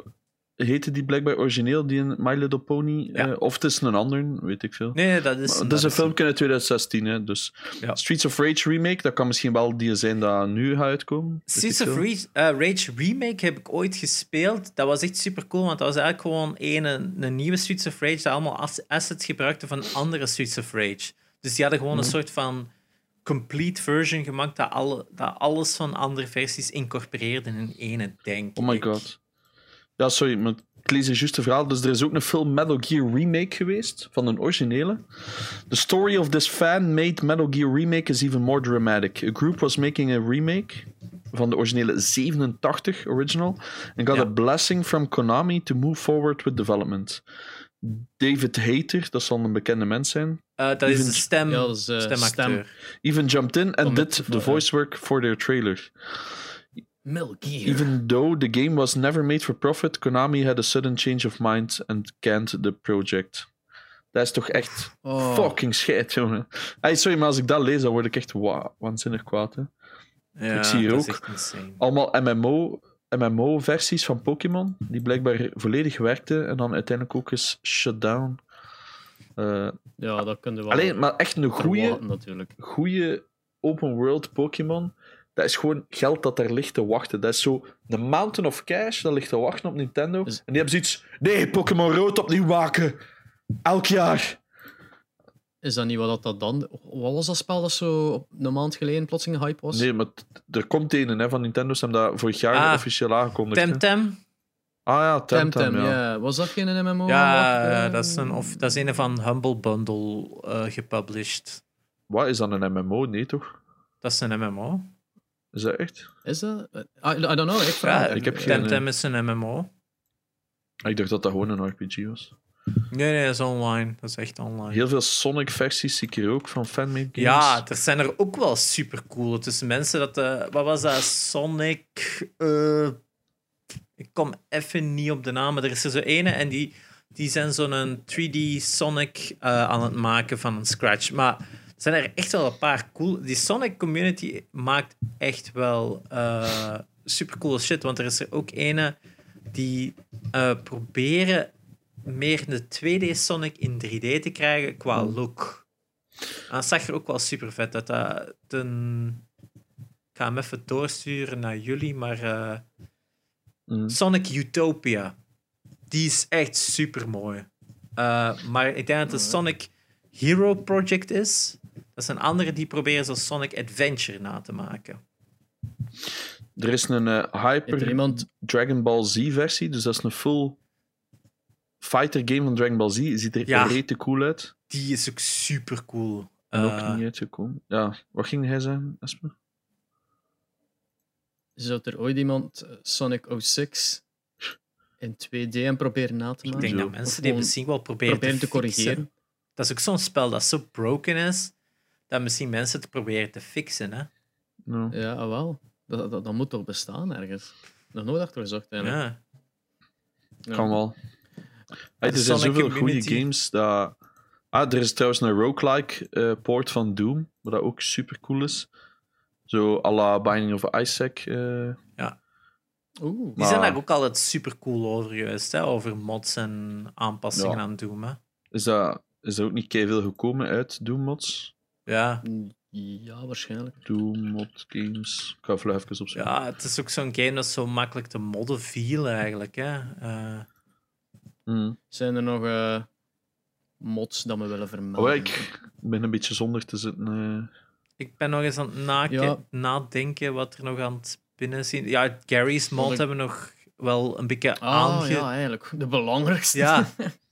De... ja. Whoops. Ah, nog één mod. Eh, maar zeggen jullie iets over Gary's mod? Want ik heb het zelf nooit eigenlijk gespeeld. Goh, ik een beetje. Ik dat was niet echt mijn ding. Omdat Mhm. je kon zo wat shit ineen flansen. Zo wat vrije verhaaltjes, maar wij gebruikten dat meer om te deathmatchen eigenlijk. Omdat... Dat was basically een playground Ja, ja, gewoon dat was- van de source code. Ja. Ja. En je kon daar echt wel coole shit mee doen. En wij downloaden dan wel zo wat stuff. Maar ik weet niet, ik was allemaal snel beu. Want het is altijd leuk voor zo even. Ja, ik dan weer zo die ja. grind. Zo. ik denk het bekendste dat er is uitgekomen is toch zo dat... Ik weet, ah, ik kom niet op de naam, maar het zat ook in Fortnite zo dat, dat je zo je als objecten moest vermommen. Ah, Hoe ja, dat? de prop, prop hunt. Prop Hunt. Prop Hunt. En dat zit in de Call of dus- Duty dus- ook. En in Minecraft is er daar ook een mod voor gemaakt om dat te kunnen doen. En dan vermom je zelf als bibliotheekkastje en zet je tussen een hoop bibliotheek. Dat is geniaal. En dan moet, dan moet de zoeker maar zo... Die heeft over laatst iets getweet. Over Gary's Mod 2. Ja, Ja, in VR, hè. Maar ja, maar ik heb daar niet echt meer opgevolgd eigenlijk. Excuus. Maar hij wil gewoon... oh, dat zou een Een Gary's- zijn. Hij wil een Gary's mod maken op eh, Alex. Ah, ja. Nee, ik had iets anders gelezen. Iets dat een dumbed-down version of zoiets was. Ah. Iets... Maar, en dat mensen het zo Als serieus dan niet Alex mods noemt, maar... Alright, I'm Ehm, out of... Ja, zeg maar. Ja, ik heb nog één mod dat we nog niet... We hebben, we hebben... Ik ga gewoon twee woorden zeggen en jullie gaan dan waarschijnlijk gaan van, oh shit. Eh, hot coffee. Nee? Oh shit.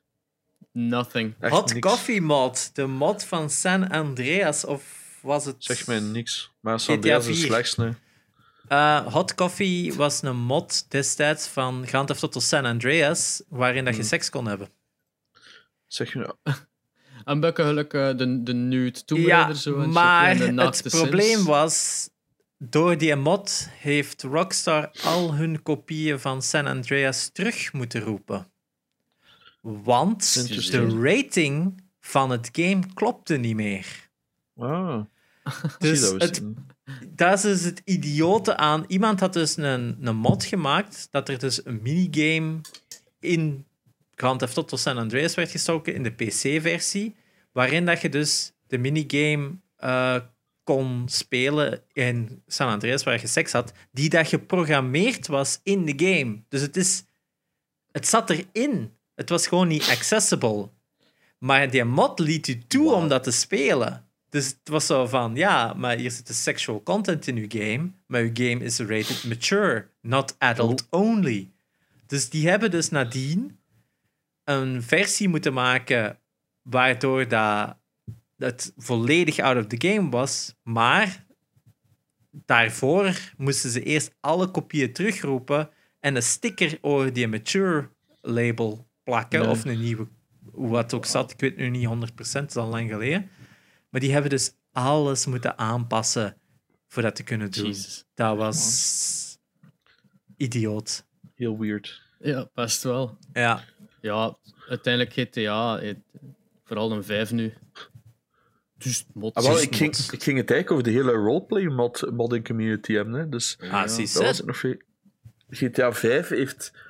ah, 4 is er denk ik wat het meest mee begonnen. Allee, zoals echt extreme mods. Want 3 had er wel, maar dat was zo, eh, oké. En Vice City en San Andreas ook zo, eh, oké mods. Maar 4 is echt hardcore gaan en 5 helemaal. Hè. Dus roleplay, dat is iets wat dat honderdduizenden mensen doen. Dus je, joint een server en je zei een andere persoon, maar je gedraagt je ook volledig. Zoals de politie tegenhoudt, gaat je effectief doen. Je hebt terug gangs. Ook eh, hebt, je kunt een gang joinen.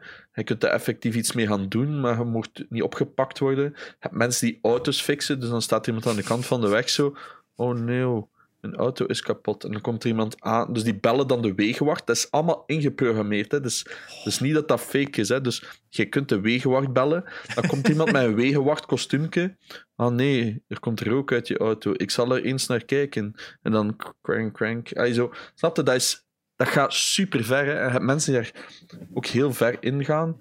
Dus die spelen echt... Ja, die... roleplaying en Ja, dat is echt eh, roleplaying. die Dungeons and Dragons is eigenlijk dat, Maar dat gaat dat dan maar met... super ver. Bijvoorbeeld, jij kunt werken in een autotuning bedrijf en jij kunt alles perfect. Dus dat zijn honderden developers die dat allemaal namaken. Dat is echt crazy. En ik heb het nooit gesnapt, hè, maar ik bedoel, als je dat leuk vindt, be my Dat is een genre apart. hè. Ja, maar dat is zo fucking waanzin, dude.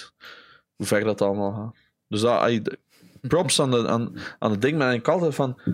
Je hebt nu duizenden manuren gestoken in een mod. Waarom kunnen jullie niet allemaal samenwerken aan één nieuwe coole game, denk ik soms. Ah ja, ik vind dat zo, Ja. snap, ik vind dat zo heel dubbel, omdat als je weet hoeveel uur dat er allemaal in kruipt, Ja, maar dat is zo... Ja, zeker die GTA-modding community, hè, die hebben al langs de ene kant GTA 4 zo uitgemod dat het er beter uitziet dan heel veel hedendaagse games. Of zo de Iron Man mod, waar je heel het spel kunt spelen met, als Iron Man. Ja, super dope, hè, maar dat is zo... Die Ja, Vice ik denk City dat... RTX-mod. Ja, Dus dat is zo- ook... Dat is, Dat is met raytracing dan of wat? ja, ja, dat Ja. zit er echt sick uit. Dat is precies of GTA 6 er is. ja, Minecraft krijgt nu ook een RTX-mode, hè, de heb hem Ray gezien. Tracing mode. Ik heb hem Dat is gezien zo- bij eh Linus Tech Tips. Je 30 fps. Allee, ja, snap je? Ja, maar dat is zo het gegeven van... Ik denk, het toffe aan GTA als te modden is, je hebt een zalige basis om aan te vertrekken. En je hebt een keicool stad, je hebt Hmm. allemaal van die AI, van je, van uw NPC's, allemaal van dat soort shit. En dat is zo een makkelijke manier om je dingen te laten opvallen, want een van de moeilijkste dingen in games is niet het maken, maar het laten opvallen van je game. Hmm. Mensen moeten het vinden. En ik denk die modding community is een heel makkelijke manier om een klein beetje bekendheid binnenin games te kunnen verscharen, waar dat misschien tot projecten leidt Hmm. dat je zelf maakt, maar dat mensen weten van, oh ja, maar dat is een die dude. Eh is dat een goede testing ground ook voor, voor bepaalde concepten en zo, hè? Ja, geloof ik ook wel. Is dat dat een mooie opstap is. Maar ik ja, ken er te weinig van aan de community. eh. Ja, ik ook wel minder. ik ben daar ook zelf- volledig niet meer mee bezig met mods. Maar ik, Nee. Zoals ik straks zei, ik, ik speel een game uit en that's it. Ik ga nooit kijken. Oh, het... Ik snap dat als je. Vroeger deed ik dat ook zelf meer, zo van die dingen opzoeken, omdat je gewoon maar één game had en daar moest het dan mee doen. Hè, dus dan Ja. zocht je daar iets over op. Maar ja, nu is dat, ah, ik download gewoon een andere game of ik koop een andere game en ik speel iets anders. Dat, dat, times changed, weet je. Eh. Dat is zeker wa- waar. Ja. Er zijn- En er zijn genoeg free games nu om je mee te amuseren. Dat bestond vroeger niet echt. Of toch niet Nee. zo in de mate. Lijkt een Warzone of zo. Dat is zo vroeger nooit free geweest. Hè? Ai, dus, dus daarmee denk ik dat daar een groot verschil in zit. eh, van hoe dat mods nu bestaan. Buiten GTA 5. Ik weet niet of er echt veel games nog zeker mods hebben. Ja, CSGO heeft er wel een paar. Maar dat is ook niet iets waar ik echt nog mee bezig ben. Omdat nu zo heel dat competitive en al nu gewoon ja, in uw game zit. Hè. Dat, ja, ik zou het ook niet weten. Ik denk dat veel dingen via Steamworks wel updates en chicere dingen krijgen, maar Maar je hebt zo in CSGO heb je zo workshop maps. Dus dat zijn zo maps dat je als community gewoon kunt uploaden en gewoon kunt downloaden. En dat is wel. Dan heb je zo dead runs, hè, dat mensen zo van de ene kant naar de andere kant moeten raken, maar ondertussen zijn overal traps. En er is één iemand die zo aan de knopjes zit, zo'n beetje like Saw. Dat je zo kunt. eh, en zo heb je wel coole dingen. Of zo mensen die zo co-op singleplayers maken in CS. Dat werkt niet echt goed, maar fun enough. Snapte ze allemaal van die stuff. Nou, daar kan ik mij wel mee amuseren. Ik nu had ik zo'n party minigame gevonden in CSGO. En dan heb je bijvoorbeeld zo een elevator. Dus jij gaat altijd omhoog. En er komen allemaal dingen op je af en jij moet die ontwijken. En wie dat het langst overleeft, wint dan. Ey, zo, dat zijn zo coole minigames, zodat ook mods zijn eigenlijk. Dat is niet echt een mod, dat is gewoon de engine dat ze gebruiken om extra levels te maken. Dat is gewoon... f- Ey, je snapt het, dus ik kan me daar wel nog mee amuseren. Maar ik Ja, weet niet of ja, dat ja. in de toekomst... Ik denk dat de huidige maatschappij eerder leunt naar van maak een eigen coole minigame en breng dat uit op Steam of zo, in de plek van maak mods. Omdat we hebben Ja. nu zoveel tools. Want vroeger kon je niet zomaar een game naar de PS4, aan je PlayStation of zo uploaden. Dat kostte honderden duizenden euro's. Dat is free nu. Toch? Allee, Ja, buiten de- uw devkit en uw license, dat is het duurste. Hè. Eh, Ja, oké, maar voor PC heb je dat zelf al niet meer echt nodig. Snap je? Dus, nee, ai. voor op Steam iets te krijgen, dat, kost u letterlijk nu- eh 20 euro. Dat is Oh, wat god. het kost. Je moet een license kopen bij Steam. Ik denk dat die 20 dollar is voor een game. Voilà. Dus ai, snap je? Dat, die instapkost is zoveel lager tegenover vroeger. Dus daarom denk ik dat er nu veel meer indie games zijn tegenover mods. Ik denk dat vroeger indie games altijd gezien werd als een mod. Eerder. Want dat werd bijna nooit apart gereleased. Ja, het is dat. Ah ja, Nee, ik times denk change. dat we zo wel een leuk eh blikje in de modding community hebben gekregen. Ja, als er nog mensen goede mods hebben die we vergeten zijn, altijd insturen. We willen ze zeker checken. Mhm. Eh, ik weet niet of er nog... Zou jij voelen, Jerry, als uw games gemod worden? Ah, ik zou het super vet vinden. Dat zou zo... een coole mod vinden. Ehm, ja, ik denk altijd wel zo. eh, als mensen zo. We hebben, ik heb nu een, een, een goede eh, top-down shooter-achtige ding gemaakt, een versus game. Ja, Het zou vet zijn als mensen daar gewoon andere character models in steken. Hè. Stel u dat je daar een South Park variant van maakt, waarin dat dan de, de, de, de characters de vier jongens zijn van South Park, of, of eh, de, de, de kids van Scooby-Doo die elkaar de, hun koppen eraf schieten. Ik zou het super cool vinden als mensen zich daar een tijd willen in steken en het op die manier eigenlijk kunnen spelen zonder dat we aan iets vasthangen dat zegt van, oh ja, je hebt dat gedaan, Eh, hier is een, een lawsuit. Maar Hmm. dan, langs de andere kant, bestaat het wel en dat is super vet. Dus misschien moet ik inderdaad de modding-optie openzetten op Steamworks en dat als een soort van makkelijk aanpasbaar gegeven aanpas- eh, aanbieden. Mm. Ik zou eerder, denk, ik, ik zou eerder denken, als ik een game online zou zetten, dat ik het leuker zou vinden, niet dat aangepast wordt, maar eerder dat er iets compleet anders mee gedaan Oh, ja. wordt. Dus gaat je trailer trasher, stop dan shooter. Eh, je hebt er al een voetbalgame in gestoken ermee, Ja. dat je al niet zou verwachten. Eh, maar dan is daar plotseling een soort racegame in vinden en modden en maken. Ja, ja, dat zou dat, super dat vet je ook zijn. zo'n voordeel hebt zo met, met iets schieten en dergelijke. Dat zo, allee, zoiets zou ik dan nog, nog toffer vinden van, ah, ze hebben de character models veranderd. Beide zijn cool, maar zo een nieuwe game, dat is echt van, oh fuck, dat is eigenlijk wat nice. Ja, Kom, we steken dat erin. Als mensen zo inderdaad nieuwe game modes kunnen maken, gelijk prop hunt en zo, dat is super vet, hè? Ja, dat is waar. Ja, oké. Ah, ben leuk. Right. Waren er nog eh goede comments van de week? Te weinig. Eh, Te weinig, ja. te weinig. Meer comments. Meer comments. Gaat er nog een, eh, Janox? Maar- Ah ja. Ah, omdat hij u verheerlijkt, zeker. Nee, Ja, het is dat, hè. dat mag ook. Hè. Ik was het al vergeten. Eh, even zoeken terug. Fuck. Maar we kunnen er ook al direct een lezen dat tegen mij is. Van eh Shipupi, dat zegt Crash Bandicoot is zo en niet anders. Ja. Oef. Dat, was, dat ging over Crash. Eh, eh, Crash of the Titans, denk ik. Inderdaad. Ah, ja, ja. van, ja. Ja, inderdaad. Eh, Crash, Crash Bandicoot is zo en niet anders. Don't touch my childhood, damn it. Ja, het is gelijk dat ik had gezegd in de aflevering. Hè, ja, dat is iets heel persoonlijk, hè, Crash Bandicoot. Of van die games, om het zo te zeggen. Er zijn ook mensen die zeggen. Super Mario is kut sinds dat 3D is geworden. Nee.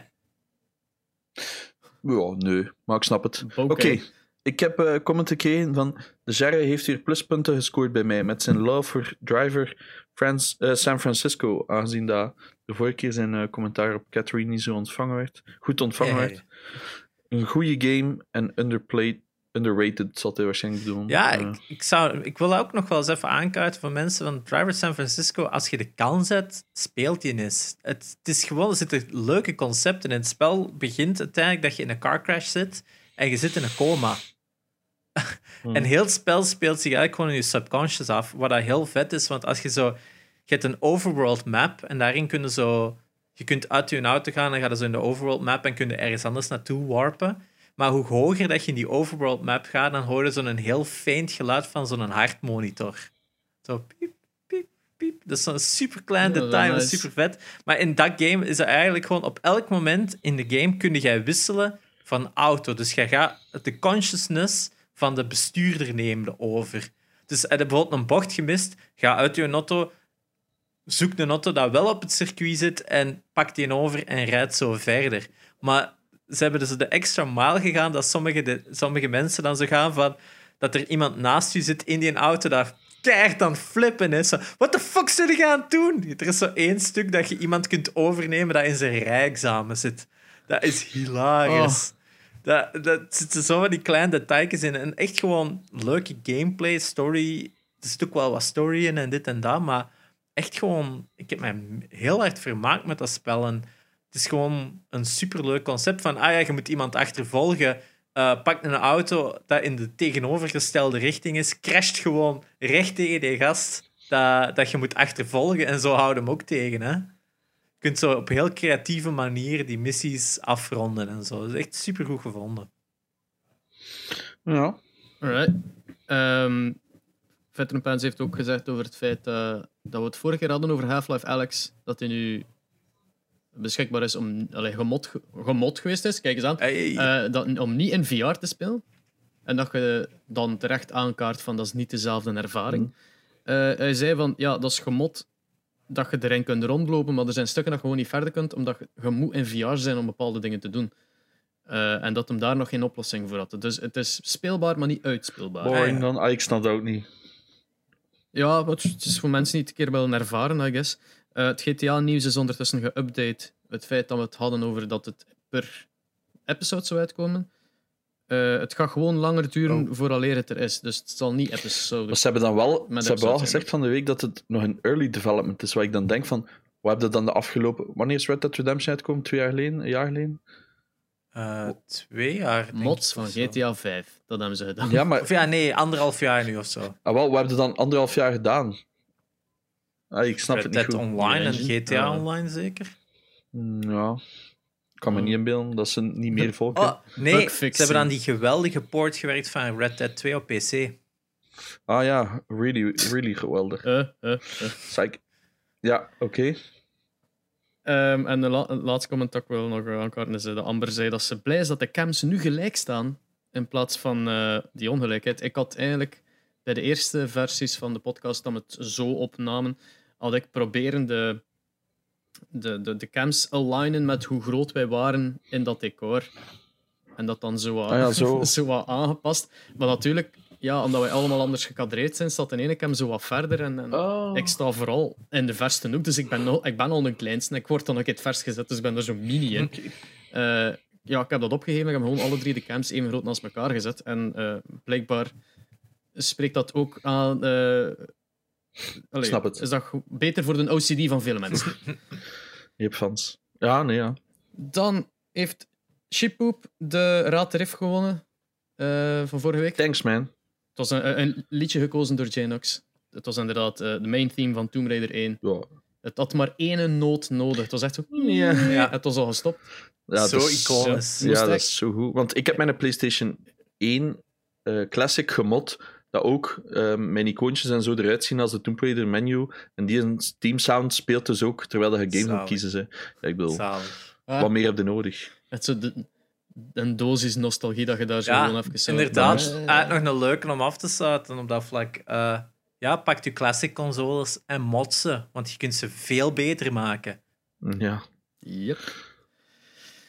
Dan eh, rest ons alleen nog maar een nieuwe Raad Rift te laten horen. En dat is deze. En eh, dank u wel om te luisteren. Comment, altijd iets. ja, gaarne. Misschien voor een, toekomst, misschien voor een toekomstige aflevering. Wat waren uw favoriete cheats in games? Alright. En tot volgende week. Alright. Volgende week. You, salut.